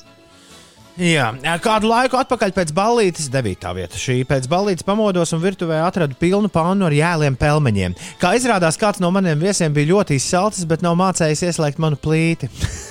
Vēlāk uzzināju, ka speciāli pēc šiem pelmeņiem ir ticis iet, iet pakaļ naktas vidū uz tuvāko benzīna tanku 3 km attālumā. Lieliski! Nabaga cilvēki. Astotajā vietā anonīms eh, stāsts. Pirmo reizi vērot burkānu sautējumu pēc grāmatas, kad man bija gadi desmit, bija rakstīts, jāpievieno milti. Bet kādi? Piebēru kartupeļu miltus un sanāca burkānu ķīsels ar sirnišķiem. Septītā vieta. Kristaps eksperiments pēc nedēļas nogalē pamēģināja uzvārīt augsto zupu. Nevajadzēja. Nekad lūdzu nemēģiniet to atkārtot mājās. Augsta, vāri, augstā zupa, bet vārīta. Tātad šāda mums ir piedāvājumā. Jā, mums. eh, Es paņemšu piektās vietas eh, stāstu sastajā vietā, jo mums ir gadījies uh, divi, divi vienādi stāstīņi. Bet pie, sastajā vietā es lieku ditu. Viņa uzlika vārīties olas, aizmirsa ūdeni uh, ai, un aizmirsa ūdens vāroties iztveikojumu beig beigās. Tikai tad, kad smaržoja pēc deguma, viņa saprata, ka viņas olas uh, katliņā jau cepas. Tā kā tas notika pamatskolā, vecāki vēl šobrīd šo atgādina, kad tiek runāts par olu vārīšanu. Dita, es tevi mierināšu, man ir gadījies tieši tāpat. Krustvāte, mēs esam jau pie ceturtās vietas. Pie piektās. Nē, tagad ir piektā. Ilze Ilze ir raksta, piektajā vietā. Labrīt, mana spilgtākā neraža ir no agras bērnības. Agri sāku palikt mājās viena, vecāki bija darbā un pārsvarā vasarā pārtika no tomātu maizēm. Bet kādu dienu sagribējās sausus kartupeļus. Nomizoju kartupeļus, biju redzējusi, kā māma to dara. Aizdedzināju gāzes plīti, ieliku kartupeļus katliņā un sāku vārīt. Kad no katliņa sāka nākt dūmi un smirdoņi, sapratu, ka kaut kas nav. Biju redzējusi, ka māma lej klāt pienu, kad taisa kartupeļu biesputru. Nolēmu pamēģināt. Situācija tikai pasliktinājās. Un īsti nezinu, kas būtu noticis, ja māma nebūtu atbraukusi mājās. Gan atvieglojums, gan satraukums pārņēma ieraugot māmas mašīnu, iebraucam pagalmā. Māma nedusmojās, vienmērīgi izstāstīja, ka arī savus kartupeļus sākumā vāru ūdenī. Virtuvi vēdinājām vēl ilgi. Katliņš gan aizgāja nebūtībā kopā ar visiem tupeņiem. Lielisks stāsts, Ilze. Paldies! Ceturtajā vietā atkal stāsts bez uh, paraksta.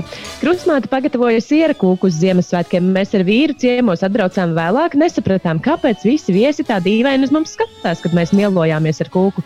Tikai procesa vidū krustmāte pateica, ka viņa sajaukusi un veikalā nopirkusi svaigo sieru ar ķiplokiem. un tajā brīdī mēs uzreiz sajūtām pamatīgu ķiploku un piparkūku garšas sajaukumu. Brīnišķīgi! Tā teikt, Huteku zön, vai kaut kā apmēram tā. Astriņai trešā vieta. Labrīt! Visiespaidīgākā bija reize, kad uzzināju, ka rīsus uz pannas necep. Uzzināju, ka tie lido kā popkorns. Un joprojām uz rokas ir viena iedegusi lidojošā rīsa zīme. Ar Tas jā, piemiņai. Inzu kristībās šitādas lietotas. Jā. Otrajā vietā Tomo. Labs rīts. Man vienreiz sanāca ļoti ilgi vārīt sardelītes. Pielēju katliņā ar ūdeni, uzliku seriālu un skatoties gaidīju, kamēr uzvārās ūdens. Pēc vairākām minūtēm sapratu, ka ūdens ir iztvaikojis. Lēju vēl un vārīju pa jaunam. Noskatījos vēl vienu sēriju un pēc vairākiem mēģinājumiem sapratu, ka grāpīte ir plaisa. Radās sūds un beigu beigās sardeles nevārītas. Bet gāzes plīts aplūdusi ar siltu ūdeni. Un numur viens šorīt kosmonautam. Kad dzīvoju kojās ar draugiem, gribējām uztaisīt siltu, iebiezināto pienu, ar ko našķoties. Uzlikām uz plīts, kaut kur izgājām no virtuves, protams, aizkavējāmies. Un, kad ienācām virtuvē, viss saturs bija pa visu virtuvi. Sienas, leduskapis, griezti tīrījām līdz četriem rītā. Top 10. Tāds mums lūk šorīt eh, top 10. trešdienā, 13. maijā, 5 rītī. Mēs turpinām. Nu, pat notika kaut kas dīvains. Man telefons novibrēja kabatā, bet man nav kabatā telefona. À, tā ir fantoma vibrācija. Kā, kā, ko, ko, ko lūdzu? Tā ir zināma tāda slimība. Nu, tāpat nav slimība, sindroms tāds. Es jau nobijos, ka esmu saslimis. Fantoma vibrācija sindroms to sauc. Ko Ka tas liekas? nozīmē? Nu, ka tev liekas, ka tev novibrē kaut kas kabatā telefons, lai gan tas nevibrē.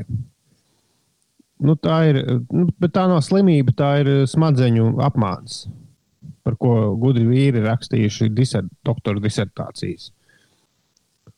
Vairāki zinātniski raksti par to ir bijuši kaut kopš. Kopēji, kāpēc tās smadzenes mānās? Ko es viņām esmu nodarījis? Šis nav jautājums, uz ko visticamāk kāds no jums atbildēs. Tā mums bija top 10 pirms maz mirkļa. Un, jā, top 10 finišs bija burtiski sekunde sekundē līdz ar stundas finišu, tāpēc palika vēl kaut kas arī aiz top 10 strīpas. Vispirms liels paldies visiem, kas šodien iesūtīja top 10 savus, savus variantus par kulinārajiem negadījumiem. Lauma rakstīja, pamatskolas laikā ļoti vēlējos uzvārīt savu pirmo zupu. Zupai bija vajadzīgas divas sastāvdaļas. Veikalā nopērkamā burciņa boršs un saldēti frī kartupeļi. Kurš tev to iestāstīja? Neatceros, ko darīju nepareizi, bet to drausmīgo virumu nekad vairs neesmu mēģinājusi gatavot. Mamma vēl šodien pēc 11 gadiem atceras un smejas, kur es tādu recepti biju dabūjusi. Boršs un saldēta frīka kartupeļi. Vajadzēja otrādi, vajadzēja frī kartupeļus uzcept. Un tad pie boršča klāt graust. Tas gan būtu dikti labi bijis. Un uh, Signe, Pamērcēt boršķā. Signe jaunībā, uh, jā, kad mācījās gatavot ēst, viņai likās, ka forši būtu olas sacept, bet, diemžēl, nebija sajēgas, ka vārītas olas nevajag vairs cept. Bet izlasot šo ziņu, man pilnīgi māca ziņkāri, kā tas varētu būt, ka es atcepu olu vēl, kur ir vārīta. Ārprāts. Es domāju, ka tas negaršo it ne pēc kā. Man patīk arī Tomā atsūtīties, ka viņš ir noskatījis garšīgu panēto puķkāpostu recepti. Puķkāpostus vajadzēja fritēt eļļā, tad nu lēju katliņā eļļu un sāku sildīt. Pagaida minūte, pagaida divas, pagaida piecas. Kāpēc tik ilgi silst? Un tad sāk nākt dūmi, un pēkšņi eļļa aizdegās. Un Ui, tas ir, tas ir rīktīgi bīstami. un- Tas ir drausmīgi. jā. Un galvenais, ja eļļa aizdegs, tad nevajag liet ūdeni, jo, Jā, labāk uzlikt vāku virsū. jo Tāpēc vienmēr aizdeg. par fritēšanu, kad rāda modernos ārzemju TV raidījumos, tad vienmēr ir maziņš termometriņš, ar kuru kopā fritēšana tiek taisīta. Ā, lai nav pa karstu, ja? Nu, kaut kā tā, jā. Grēviņš, ziediņš, puķakiņš. Tas, lai visiem būtu viņš prātniekam savajadzējies šādi. Pučeka, ziečeka, grēčeka. Grēčeka. Nē, tas Beigsim darināt jaunu vārdus. Uh, jā, vēlreiz paldies visiem par top 10. Uh, kārtējo reizi jāstras mums tas uh, tīri labi sanācis. Šodien Ulim ir uh, jādarbojas iespējams ar kulināriju. Iespējams, ka ne. Ulim ir uh, šodien mācījies ar pieci pulksteni pustrijos dienā. Jā, būs iespēja vērot, kā Uldis kaut ko māca. Instagramā, 5LV Instagram kontā. Tas būs jādara vakar no rīta. Uldim nebija pilnīgi skaidrs, ko darīt. Vai tev ir kādas idejas parādījušās šorīt? Nu, tā kā man bija vakar līdz sešiem jāiesūta video, kur es piesaku to, ko es darīšu, ko es arī esmu izdarījis, un tas jau pieci kontā ir apskatāms. Es atgriezos pie kādas apmēram mēnesis senas uh, Instagram aptaujas, kurā es jautāju, ko es varētu stāstīt. Un paņēmu tēmu, ko īstenībā ierosināja Inese un Iveta no ēgļiem. Ines prasīja, kā, kā, ir, kā staigāt pa pilsētu, kur acis rāda. Un Iveta no ēgļiem tam piešķīra tā- daudz zinātniskāku nosaukumu, ko es arī izmantoju par pastaigu teoriju. wow! Paga, bet tad tu ņemsi kādu kaut kur līdzi. Nu, pareizāk sakot, tu būsi pastaigā. Šodien tu nebūsi E- savā mājās. Tāda ir doma, jā, ka vajadzētu iziet ārā. un Es, es mēģinu izdomāt šobrīd vietu, kur ir pietiekami zaļš, kur nebrauc mašīnas, kur nav trokšņa, bet kur ir laba zona. Vēl neesmu izdomājis. Bet Kā tev ir? Tev nav nērti iet pa ielu un filmēt sevi, un visi citi skatās un domā, ko tas tur dara. Bet tie cilvēki, Nav kas tā, ka- skatās to video tieši redz, viņi jau ir vairāk ines nekā nu, tie ja, viņi jau cilvēki. arī skatās. Ah. Bet, eh, nu, jā, tas ir vēl trakāk. Iedomājies, ja tu, ja tu kādreiz domā, ka tu publiskā vietā uh, filmē Instagram video un kāds par te, uz tevi skatās un kaut ko padomās, atceries, ka to redzēs arī ļoti daudz cilvēku tajā Instagramā un arī kaut ko padomās. Miers baro, nemiers posta. Mieru, tikai mieru. Saprati? Jā, bet nē, es, es, es nedomāju, iet tur, kur ir cilvēki, jo tur, nu, tur būs troksnis. Noteikti arī kaut kāds mašīnas vai nu, vai nu pa kaut kādu parku, un tad jau kāda starpība. Iedomājies, iedomājies ka tu filmē raidījumu, Ines, ja tev ir. Jo, eh, nē, es pie šī gribu maz, mazliet pieķerties, jo tu vienā teikumā pateici visu to, kas ir, eh, nu, kas ir nu, nenormāli nepareizi. Tu, tā, tad tas nozīmē, ka tu, ka tu domā, nē, jo es, es zinu, man arī tieši tāpat kā visiem pieklājīgiem cilvēkiem, man arī tas ir galvā. Tā domāšana, ko par tevi nepazīstami cilvēki padomās. Bet patiesībā nepazīstami cilvēki par tevi neko nedomā. Viņam Es vairāk Izdomāt. domāju, ka ir tas uh, īpašais Instagram konts, kurā, kurā smējas par tiem, kas kaut ko fotografē un filmē visādi. Nu, kad droši jā, vien bet- no malas tas izskatās jocīgi. Nu, un Jā. Lai izskatās. Jā, jo Un pēc tam tas jau arī- izskatās stipri nejocīgāk, kā tas izskatījās pirms gadiem. Četriem cilvēkiem pie tā ir pieraduši, kas staigā apkārt visādi ar saviem, Nu, a, ar saviem aparātiņiem. Nē, bet tas pat nav tikai par filmēšanu, bet vispār to man vienreiz viens gudrs vīrs uh, mācīja, ka, ka tās sajūta, es gan pats esmu piemērs tam, ka tā nav taisnība. Bet uh, tā mācība bija tāda, ka patiesībā nepazīstami cilvēki par tevi domā desmit reizes mazāk nekā tev Nekā pašam domā, liekas. jā, jā, jā. jā. Šī ir viena no retajām mācībām. To man tu pateici kādā no pirmajiem mūsu sadarbības gadiem. Un šī ir viena no retajām lietām, kuru es tiešām esmu licis aiz auss no tā teikt, ULDA gudrību krātos. Jā, un vienīgais, ka mēs arī, mēs arī Ines esam spilgti piemēri, ka tas gan ir taisnība, gan nav taisnība. Jo Ines, piemēram, bija ļoti pārsteigta uzzinot, ka, ka man šķiet arī tev to. Ka mums patīk, piemēram, ieskatīties sešu cilvēku iepirkuma ratiņos. Nu, tad, kad tu drīkstēji stāvēt tuvāk par diviem metriem. Un, un, un man arī ļoti patīk eh, sēdēt publiskā vietā, kādā kafejnīcā un vienkārši vērot cilvēkus. Līdz ar to es esmu spilgts piemērs tam, ka, ka kāds tomēr pievērš uzmanību tam svešiem cilvēkiem. Bet nu, 90% gadījumu de- t- tā nav. Jā. Cilvēkiem vajag vienalga, ko dara citi cilvēki. Tā, jā. Nu, izņemot tas, kas viņu iepirkuma groziņos ir. Nē, nē, ja kāds iet, Ko, ko? ja kāds iet uh, man garām un filmē kaut kādu uh, Instagram video vai iet laivā, es, es, es, es arī cenšos ielūkoties ekrānā un paskatīties, kas tur īsti notiek. Bet tas, pēc, Vai pēc, piedalīties? bet tas ir pēc 30 cil- sekundēm, tas ir aizmirsies. Es atvainojos, vai es arī drīkstu piedalīties jūsu Instagram laivā? Un klausies, Ingūns, kurš pirms, dienas. Pirms diennakts, jā. pirms dienas mums sūdzējās, ka es nezinu, kas tas Instagrams ir. Nekad neesmu tādu mājaslapu atvēris. Šodien viņš raksta, ka Ines laikam nezina tādu platformu Twitch. Tur viss cilvēki ar kameru runā uz ielas. Ingūns, get your Twitch together. ja? Es nezinu, kas ir Instagram. Es tikai Twitchā sēžu. Ļoti labi, ļoti labi. Esiet sveicināti trešdienā. 13. maijā ir 17 minūtes pār 8. Jūsu radioaparātā skan Latvijas radio 5,5 LV. Šis ir raidījums 5 rītī. Šodien Irai, Iraidai, Irēnai un Irinai ir vārdu svētki. Sveiciens jums, dāmas! Smaiļotājam Kristam Straumam eh, sveiciens dzimšanas dienā. Amerikāņu mūziķim Stevijam Vonderam dzimšanas diena, angļu aktierim Robertam Patinsonam daudz laimes.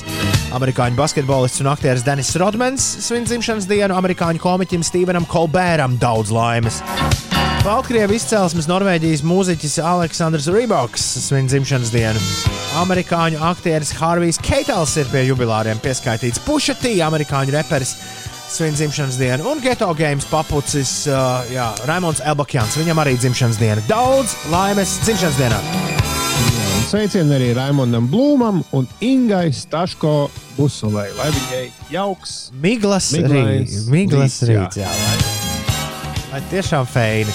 Pirms tam mēs dzirdējām dziesmu par laimi, šī, la, par laimi šo, kuru dziedāja Agnese, Aija un Kristīna un Zane. Saka, ka viņa klausos, klausījusies šo dziesmu un domā, vai viņas tiešām dzied par to brīci, kas sācis sirmot. Man liekas, Zana, tu esi diezgan trāpījusi desmitniekam. Jo es vienmēr arī iedomājos par to brīdi, tad, kad uh, jā, dāmas dzied par to, ka sirmo laika vīrs. Un, prātnie, un mēs te runājam, vai nerunājam, un citi runā vai nerunā, bet prātnieks vēl joprojām neko nav sapratis. Prātnieks raksta, starp citu, drīz, drīz tā varēs brāļoties līdz 25 cilvēkiem. Ne, brāļoties nevarēs. Prātnieki.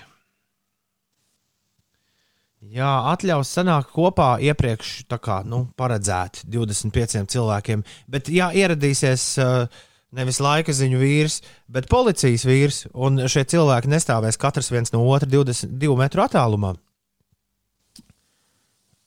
Tad būs Jā. ziepes liels.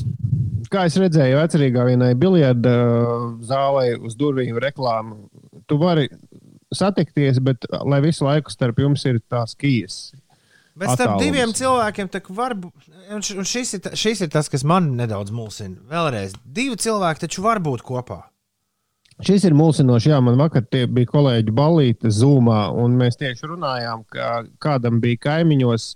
Vienkārši bija viens pats čalis, sēž mājās, un pie viņa bija atnācis vēl viens cits svešs ciemos. Nu, pirms kaut kādām nedēļām. Mm -hmm. Un, un kāds cits bla- blakus kaimiņš bija saucis policiju. Nu, jo tur laikam bija tā skaļāk likuši mūzika un kaut ko. Un, uh, viņiem bija uzlikts sots par nu, vai sots, vai vismaz brīdinājums. Katrā ziņā viņi nedrīkstēja tā darīt. Viņi nedrīkstēja sanākt kopā vai nedrīkstēja skaļu mūziku spēlēt. Viņi nedrīkstēja divi tā sanākt kopā. Kā? Es pieļauju, ka tas ir varbūt saistīts ar to, ka viņš bija ciemos, mājās. Vai... Šis ir interesants. Šis ir mulsinoši, jo divi cilvēki satikties drīkstēja arī līdz šim. Ne no vienas mājsaimniecības bija atļauta neorganizēta pulcēšanās līdz diviem cilvēkiem. Bet redz, kā man stāsta, ka, ja tie divi cilvēki sēž mājās virtuvē un tur nu, kaut ko svin, tad, tad to tomēr nedrīkstēja darīt. Vismaz tās policijas izpratnē. Zaļā vārna saka, divus metrus var neievērot tikai viena mājsaimniecība vai nepilngadīgi bērni. Kad es arī šādi biju zaļā vārna, to visu sapratis. Pirms pusotra mēneša, un sāku uh, Inesai un Uldim stāstīt, ka es redzēju, skrienot ļoti daudz cilvēku, kuri neizskatījās divatā no vienas māj, mājsaimniecības. Tad es uzreiz saņēmu uh, skaidrojumu, ka nu, drīkst satikties. Nu, divi cilvēki it kā drīkstēja. Nu, nu, ir slikti satikties. Šis, man viss, Divi. šis viss man lēnām sāk atgādināt to angļu meiteni, kas bija uzņēmusi ļoti populāru YouTube video, kurā viņa, teica, eh, kurā viņa stāstīja par to, kā ir jāuzvedas pandēmijas laikā. Kā tev ir jāsēž mājās, tu nekur. nedrīkst, bet drīkst. Te- ne- Tev ir jāsēž mājās, obligāti jāsēž mājās. Tu nedrīkst nekur iet. Nedrīkst. Ne, tu vari iet, bet tikai tādā gadījumā, ja tev ir ļoti nepieciešams kaut kādas lietas. Bet, ja tev ir kaut kādas ļoti nepieciešamas lietas, tad eh, vispirms tev jāpajautā sev, vai tu, vari, vai tu gribi kaut kur iet, un tad tu ej. tu nedrīkst iet uz darbu, bet, ja tev ļoti vajag strādāt darbā, tad tu ej uz darbu. Nu jā, nē, zaļā vārna bišķi tomēr nu, nav tā, kā tu saki, jo 29. marta LSM ziņā, kur arī ministrs runā un viss valdība, tad, kad ievies tos stingros, uh, ārpus mājām vienopus ļauts atrasties, atrasties tikai diviem cilvēkiem. Neievērojot divu metru distanci, kopā drīkst doties tikai divatā vai ģimenes lokā. Turpat tajā rakstā zemā gan ir teikts, ka tāpat jāievēro divu metru distance. Divu metru Nē, distanci jūs varat neievērot, bet jau ar divu metru distanci jums ir jāievēro. Ja jūs neievērosiet divu metru distanci, jūs, jūs, ā, jūs, jūs varat saņemt sodu, bet jūs varat satikties divi tā un Nē, nu, neievērot divu metru. Bet tas ir tas pats, kas ar tām maskām. Tas ir vienkārši mēģinājums uzrakstīt uh, noteikumos to, kas patiesībā ir skaidrais saprāts. Nu, common sense. Nu, Tev nevajag satikties vienalga divatā vai trijotā. Tas nav ne jau šī satikšanās ir ierobežota tāpēc, lai jūs nesatiktos. Bet gan tāpēc arī šie 25 cilvēki, kā vakardienas ziņās, kur, kas stāstīja, kāpēc ir tie 25 cilvēki, tāpēc, ka tas ir skaits. Ja viens no tiem 25 ir inficēts, tad viņi rēķina šobrīd, ka pie esošās kapacitātes 25 cilvēkus viņi varēs izskaidrot, kuri tie ir bijuši un kur viņi ir tālāk gājuši un tikušies. Tāpēc ir tie 25. To Uga Dumpis arī Twitterī ir. Jā. rakstījis. Uga, čaka, uga, uga. Čaka, uga, čaka. Un, ja viņi sapratīs, ka viņi var izskai, iz, iz, iz, izsekot 50 cilvēkus, tad palielinās līdz 50. Lauma raksta kopš vakardienas Akenstakas. Es ceru, ka tur nav kļūda. Akenstakas pusē ir pazudusi mūsu mīlule vārdā Fanija, marmora krāsā. Varbūt kāds ir redzējis, bija kopā ar kaimiņu suni. Viņš atnāca ievainots, bet mūsējo nekur nevar atrast. Izklausās, ka dzīvniekiem ir uh, nu, ne nu gluži balīti, bet kaut kādi nopietni piedzīvojumi bijuši. Jā, suņiem patīk eh, aizskriet uz meža malu. Nemīlis prasa, vai mēs nezinām, kāda ir noteikuma Lietuvā, jo brīvdienās taču jābrauc. Kāpēc Emīlija ir jābrauc? Tāpēc, ka drīkst. Tiešām tikai tāpēc? Tas gan ir dumi. Tas tāpat kā iet uz izremontētu operas teātri vai teātri, apskatīt tikai kā ir izremontēts, nevis skatīties izrādi. Nezinu, es gan to nesauktu, ka tas ir dūmi. Ja cilvēkam uh, gribas izbraukt, tad šobrīd ir tāda iespēja. Un ir iespēja jā, aizbraukt uz Lietuvu vai Igauniju. Nu, ir forši, ka, tu, ka, ka ir cilvēki, kuriem pilnībā pietiek ar to, ka viņi var uh, dzīvoties pa mājām, bet ir cilvēki, kuriem patīk aizbraukt uh, līdz jūrai vai iziet ārā, un tā viņi jūtas labi. Un varbūt Emīlam, lai viņš justos labi, viņam ir nepieciešams izbraukt uz Lietuvu. Kristaps nesaprot, kā tagad ar dzimšanas dienas svinībām līdz 15 cilvēkiem. Var dzīvoklī svinēt, Kristapam tūlīt dzimene nāk. Nu, ja tu Klausies. Kristap, Ja līdz kat- trim stundām. Jā, šis ir ļoti labi, ka mēs runājam, jo man nav interesanto ziņu. Bet Reku zaļā vāna pati man aizsūtīja, vai pats man aizsūtīja uz MK noteikumiem. Man paldies par to, jo tur melns uz balta ir rakstīts. Neievērojot divu metru distanci, vienlaicīgi pulcēties publiskās iekštelpās un publiskās ārtelpās var. Un pirmais punkts ir teikts, ne vairāk kā divas personas. Tātad šī Divas personas pers- nozīmē, ka tās var būt arī ne ģimene, vienas ģimenes Jā. pārstāvji. Tālāk, tālāk tur seko personas, kas dzīvo mājsaimniecībā, vecāks un viņa nepilngadīgie bērni. Pat ja viņi nedzīvo vienā mājsaimniecībā, tad nepilngadīgi var doties ciemos pie vecākiem. Un personas, kas veids darba vai dienesta pienākumus. Tā tad divi, divas personas var neievērot šo divu metru distanci. Tas nozīmē, ka tam pa, tavam paziņam uzliks E, sodu nepatēmu. Es, ne, es, es nezinu, vai uzlika sodu, bet varbūt atslēga ir tajā, ka tā pulcēšanās attiecas uz publiskām iekštelpām un publiskām ārtelpām. Bet viņš bija aizgājis ciemos. Ah, publiskām iekštelpām, publiskām ārtelpām. Ak, Jā. tā re, kur ir tas A, suns? Viņš, viņš, viņš bija iegājis Ah. svešā mājsaimniecībā. Aha, rekurs un sapraksts. Nē, labi, ka mēs, es zinu, ka dažiem. Daži skatās uz radio, radioaparātu vai telefonu jau kādu labu laiku ar tādu diezgan dusmīgu skatienu. Bet labi, ka mēs šo izrunājām. Jā, paldies. Latvijas vēstnesim lapai, nu kurš ko- publicē MK noteikumus. Rīkojums numur 103 par ārkārtējās situācijas iz- izsludināšanu, kuram ir bijuši jau vairāk grozījumi. Nu, lūk. Ines, beidzot, tu varētu pastāstīt, kas notiek. Jā, es pastāstīšu par uh, lietām, kas notiek uh, citās valstīs, nevis pie mums. 113 gadus veca sieviete, kas tiek uzskatīta par vecāko cilvēku Spānijā, ir izvesaļojusies no Covid-19. Viņa atradās pansionātā, kur vairāk citi iemītnieki miruši no šīs slimības. Bet, uh, lūk, uh, Jā, Covid-19 īsti pēc vecuma tomēr cilvēkus nešķiroja. Jāuzmanās ir uh, katram, bet iespēja izvesļoties ir arī tādos nu, gados cilvēkiem ar. Spānijā no 15. maija visiem ieceļotājiem būs obligāti divas nedēļas jāievēro karantīnas režīms. Valdība lēmumu pieņēma, lai novērstu atkārtotu Covid-19 infekcijas uzliesmojumu.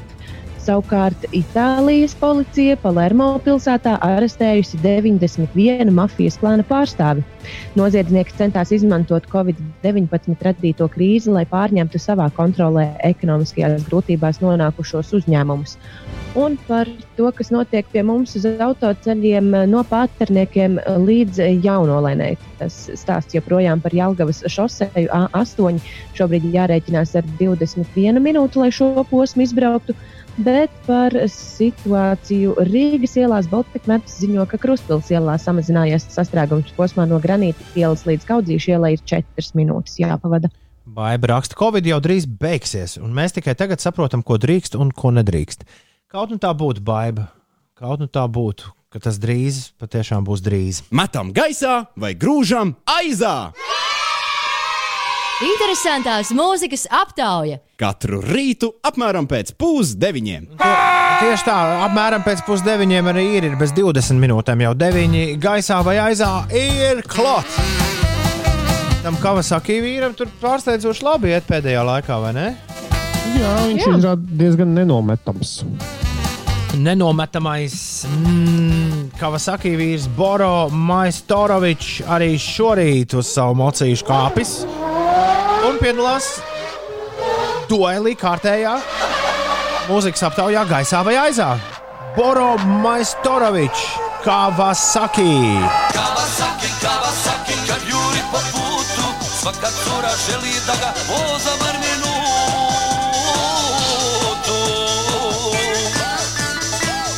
Kawasaki, Kawasaki.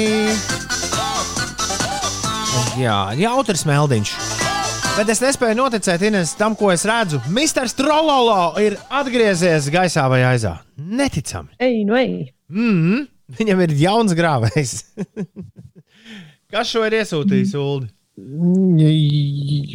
Lūdzu, atkal skatās e-pastā. Nē, es neskatos e-pastā, es skatos mūsu čatā, bet labi.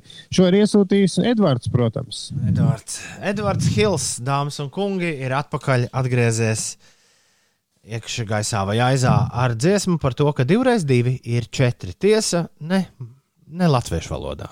Kavo, друзья, не спросим, просим, 6, 8, 48, 8, 6, 6, прошу учесть, неизменно 36, 6, 6, 36, 6, Совершенно верно, дважды два четыре. Jā, ja ir uh, problēmas ar matemātiku, tad var arī dziesmiņu paklausīties un, un uh, šo to iemācīties. Два четыре. Tu sapra... tiem, kas- Kā tev, Ines, ar krievu valodu?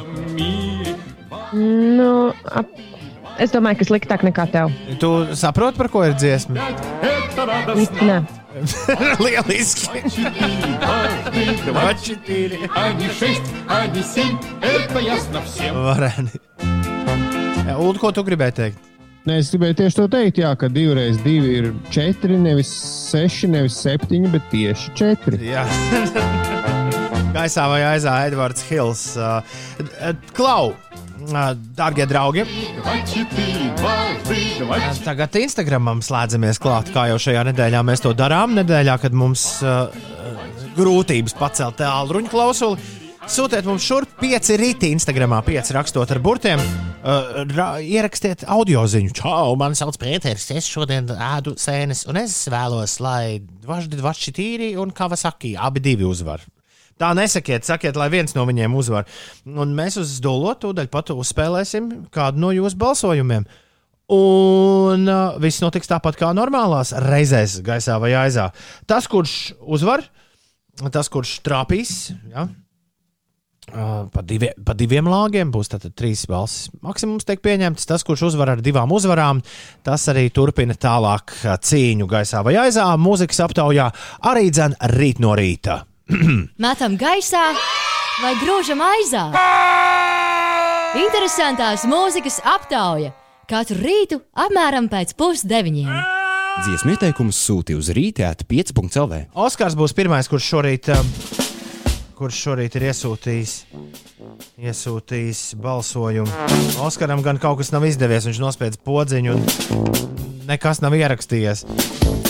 Tāpēc gatiņu laižam kā pirmo uz balsošanas tribīnes. Kurš? Dobrē otrā, dvaždī, dvaždī, tīri. Sveiciens visiem. Aha, nu rēkā, Gatis ņem un nobalso par Edvardu Hīlu, kurš dabū arī dzen pirmo punktu šodien. Sveiki, sveiki! Совершенно верно. Дважды два четыре, дважды два четыре. Это всем известно в целом мире. Дважды два четыре, дважды два четыре. Это всем известно в целом мире. Ulu iesaucies kā bērni. Nu, priekā, ka ir viss noticis. Yeah! Super.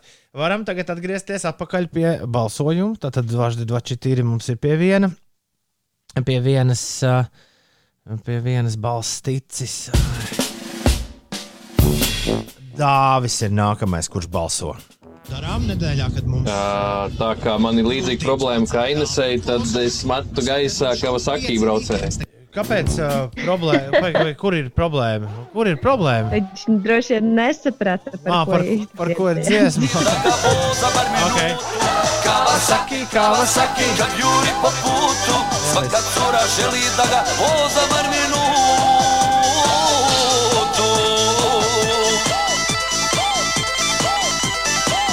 Jā, vēlreiz bērnus man vajag, kur iesaucas, ka viņiem viss ir kārtībā. Mums ir dāmas un kungi neizšķirts. Un jā, šorīt, atšķirībā no iepriekšējiem rītiem, balsojumi ir, ir tā kā ir ar balsojumiem. Bet ā, rieksts pieliks punktu. Vairāk par trījiem esam saņēmuši, nu, lai kaut kāda loterija arī dzen.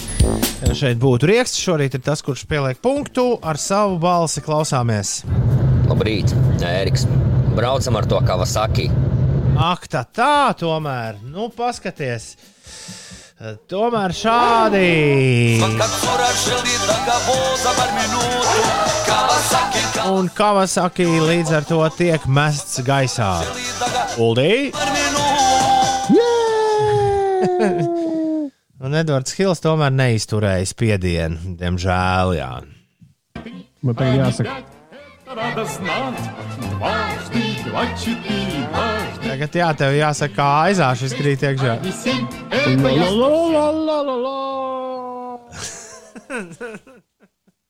Prom ir dvaždi, dvači tīri. Uldim ļoti labi sanāk. Viņš varētu katru rītu tā. Man šodien sanāk pilnīgi viss, izņemot interesantās ziņas. Pagaidi, līdz, līdz tam varbūt mēs nemaz netiksim. Apmēram uz to es esmu arī uzlicis savus Kārtis, jā, šorīt. Kā, jā. Rokas nos no Ineses un visiem pārējiem, kas nesaprata ne vārdu Edvarda Hila dziesmā. Uh, jā, jo te ir saradušies visādi jautrīši, kas raksta īsiņās. Vai te jūs saprotat, kā vasakī dziesmu? Kā tur pietiek ar vienu vārdu, vai ne? Kā vasakī, kā vasakī. Un viss skaidrs, un vēl ir vrum, vrum. Tā jau vēl tikai atliek pielikt, brrr, jeb kas tur bija. Un viss kārtībā. Ir uh, 8,55 minūtes pareizais laiks. Ines, kas notiek? Jā, pastāstīšu gan, kas notiek. Vispirms sākšu ar gaidāmajiem laikapstākļiem šajās brīvdienās. Brīvdienās laiks Latvijā kļūs mazliet, mazliet siltāks. Ceturtdien un piekdien liela izmaiņu laikapstākļos gan nebūs, jo projām vēss laiks un brīžiem nokrišņu lietus, iespējams arī krusta. Gaisa temperatūra turpmākajās divās naktīs - mīnus 3, plus 3 grādi, vietām piekrastē iesals līdz plus 6 grādiem. Bet brīvdienās gan eh, vietām gaidāms īslaicīgs lietus, lielākoties laiks būs saulains. Naktīs jā, būs pavēsts, gaisa temperatūra robežās no 0 līdz plus 5 grādiem, bet eh, pēcpusdienā gaiss iesils līdz plus 10, plus 15 grādu atzīmē. Ievērojami siltāks laiks gaidāms nākamās nedēļas otrajā pusē, kad temperatūra pakāpsies līdz plus 20 grādu atzīmē. Par pasaules notikumiem zinātnieki paziņojuši, ka Bulgārijā alā atrasti zobu un kaulu fragmenti, un tie ir senākie pierādījumi par mūsdienu cilvēka homo sapiens klātbūtni Eiropā. Atradumu Bačo Kiro alā Bulgārijas ziemeļos analizēja starptautisku zinātnieku komanda, un tie datējami ar laiku, kad homo sapiens pirmo reizi ieradās Eiropā no tuvajiem austrumiem un dzīvoja līdzās neandertāliešiem. Tā pavēstīja Bulgārijas Zinātņu akadēmijas profesors Nikolais Sirakovs. Savukārt, Bulgārijā uz sienas alā atrast rupju vārdu. Jā, tā, tā tas Bulgārijā notiek. Tā tas notiek. Uldes to Jā, nosapņoja, bet ka ir. Es stāstīju par Bulgāriju. Ar B. Bet B, krieviski izrunā kā V. Vul, vulgārija. Pareizi, tā kā es, Bulgārija. tā kā es krievu valodu nelīdz galam saprotu, tad jā, es to varēju nezināt. Klau, man ir jautājums. Uldes to nosapņoja, ka ciplanētieši ir kaut kur uziet. Nu, ir atkal kaut kāda signāla dabūt. Nē, bija uh, Pentagons nopubliskoja pirms pāris nedēļām video no jau vairākus gadus senas pagātnes, kurā pats Pentagons oficiāli atzina, ka ir redzams uh, neidentificēts lidojošs objekts. Nav teicis, ka tie ir ciklētieši, bet ir skaidrs, ka tas objekts ir kaut kas tāds, ko Pentagons nespēja no, nosaukt vārdā. Ah, nē, bet Vairāk es domāju, akal, vai nebija atkal kaut kāds satelīta signāls no tāl tālām galaktikām. Lūks, Ska, Um. Lūks Skywalkers mūs ļoti rūpīgi cenšas kaut kādā veidā sakontaktēt. Bet tas ir dikti traki, ka tas signāls pie mums nāk tik ilgi, jo nu, radiosignāls ceļo gaismas ātrumā. Un, nu, tas signāls nāk tik ilgi, ka diez vai kāds tās palaidējis to piedzīvos. Jā. Paldies Tomo par novēlējumu. Viņš saka, kā Vasaki, kā Vasaki, Uldi, lūdzu, nebrauc traki. Jā. Bulgārijā brutāli vārdi, Bulgārijā vulgāri vārdi. Klau, nu, nu?